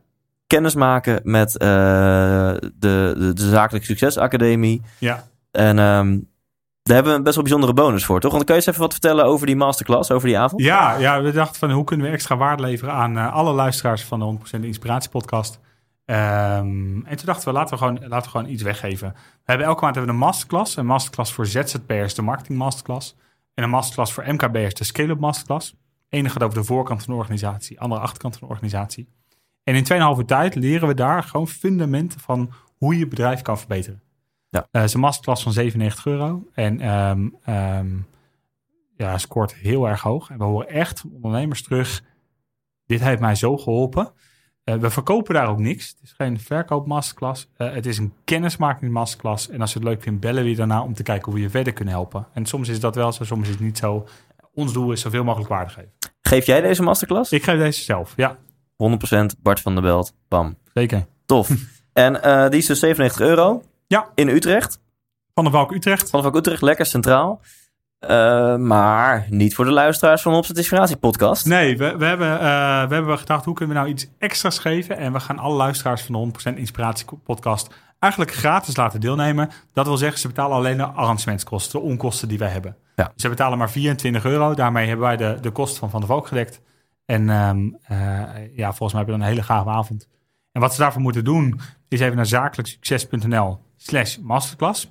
Zakelijksucces.nl kun je ook doen. En dan eventjes, als je inschrijft, of het nou voor de ene of de andere masterclass is, de kortingscode Thijs. Ja. T-H lange I-S, Thijs. Precies, THIES. Tof, 24 eurotjes. Nou, en als je dat er niet voor over hebt, of als je je dat komen. niet op je bankrekening hebt staan, dan, eh, dan heb je misschien... eh, nee, maar je moet gewoon komen. Als, als je, ehm, volgens mij staat er nog steeds op, op je website een testimonial van mij. Ja, Die heb ik ooit... echt een- heel lang geleden al. Ja, want ja. meestal moeten mensen onder lichte dwang moeten ze zo'n testimonial natuurlijk opgeven. Ik heb een keer zelf, ik, ik had een wilde bui en ik zag iets voor jou voorbij komen. en Al ik mijn dacht, klanten doen het spontaan overigens hoor. nou, is ik, oh, nou, ik was ook want ik, Echt op Facebook dacht ik, nou, ja, ik zag wat voor jou voorbij komen. Ik keek weer een van jouw best wel goed bekeken YouTube-filmpjes waarin je weer voor een flip over staat en, en geeltjes wegtrekt, Ja, ja, ja, Brandon ja. Ja? En toen dacht ik, oh, ik, eh, dit is zo, zoveel waarde die Bart de wereld in trapt. Ik had even een testimonialtje getypt en die, Ja. volgens mij gebruiken jullie die nog steeds. Ja, En ik sta er nog steeds achter, wat ik toen al twee drie jaar geleden zei. Dit is, dit we, is we de hem nog beste... steeds op hebben staan. Wat? Want ik kan hem er ook afhalen. We hebben hem erop hebben staan. Nee, tuurlijk, absoluut. dit, dit, dit is in mijn ogen de beste ondernemerstraining van Nederland. En eh, als je dat voor 24 eurotjes in één avond kan checken, als je dit hoort en je eh, ja, hecht waarde aan mijn mening, ga erheen. tof. Dankjewel. Wil je tot slot nog iets eh, zeggen, Bart? Aan het einde van dit intensief Ja, ik wil jou enorm bedanken voor, eh, voor deze podcast. Ik vind het heel gaaf dat ik de gast mag zijn. Ehm, ja, ik vind het heel, heel gaaf dat we... Je hebt al 50.000 luisteraars hè, per maand. Ja. Weet je hoe gaaf het is dat je een impact kan hebben in het leven van zoveel mensen? En dat is wat ik eh, je toewens. Ik wens je toe dat je je droom mag vervullen. eh, dat je mag genieten van het proces. En eh, ik wens je toe dat je een impact mag hebben in het leven van iedereen. Thanks, Bart. Thijs, 100% Thijs! Bam, die staat. Ik kan me zo voorstellen dat jij bijzonder gemotiveerd bent om deel te nemen aan een van de masterclasses die Bart aanbiedt met de Zakelijk Succes Academie. Ehm, en die kun je gewoon heel makkelijk vinden op zakelijksucces.nl. Wat een briljante URL ook weer. Zakelijksucces.nl. En daar klik je bovenin gewoon heel makkelijk op evenementen. En dan kan je kiezen waar we het over hebben gehad. Wil je naar de ZZP Marketing Masterclass of wil je naar de MKB Scale Up Masterclass? En eh, met de eh, code Thijs, gewoon T-H-I-J-S, kun je daar dus bij zijn voor slechts 24 eurotjes in plaats van de 97 euro die eh, je officieel moet betalen. Ehm, dat is trouwens gewoon kostprijs wat Bart aangeeft. En wat mij betreft alleen maar redenen om hierheen te gaan. Een avond in Hotel van der Valk in Utrecht eh, van 7 tot 10. Ehm, dus doe dat gewoon eventjes zakelijksucces.nl. Doe dat als jij ZZP'er of MKB'er bent of van plan bent om er een te worden. En neem gerust ook jouw bevriende ZZP'ers en MKB'ers mee. Thanks voor het luisteren. Bart, bedankt voor je, voor je humor, voor je inzichten, voor je wijsheden en je eerlijkheid. En jij als luisteraar, tot volgende week. Leef intens.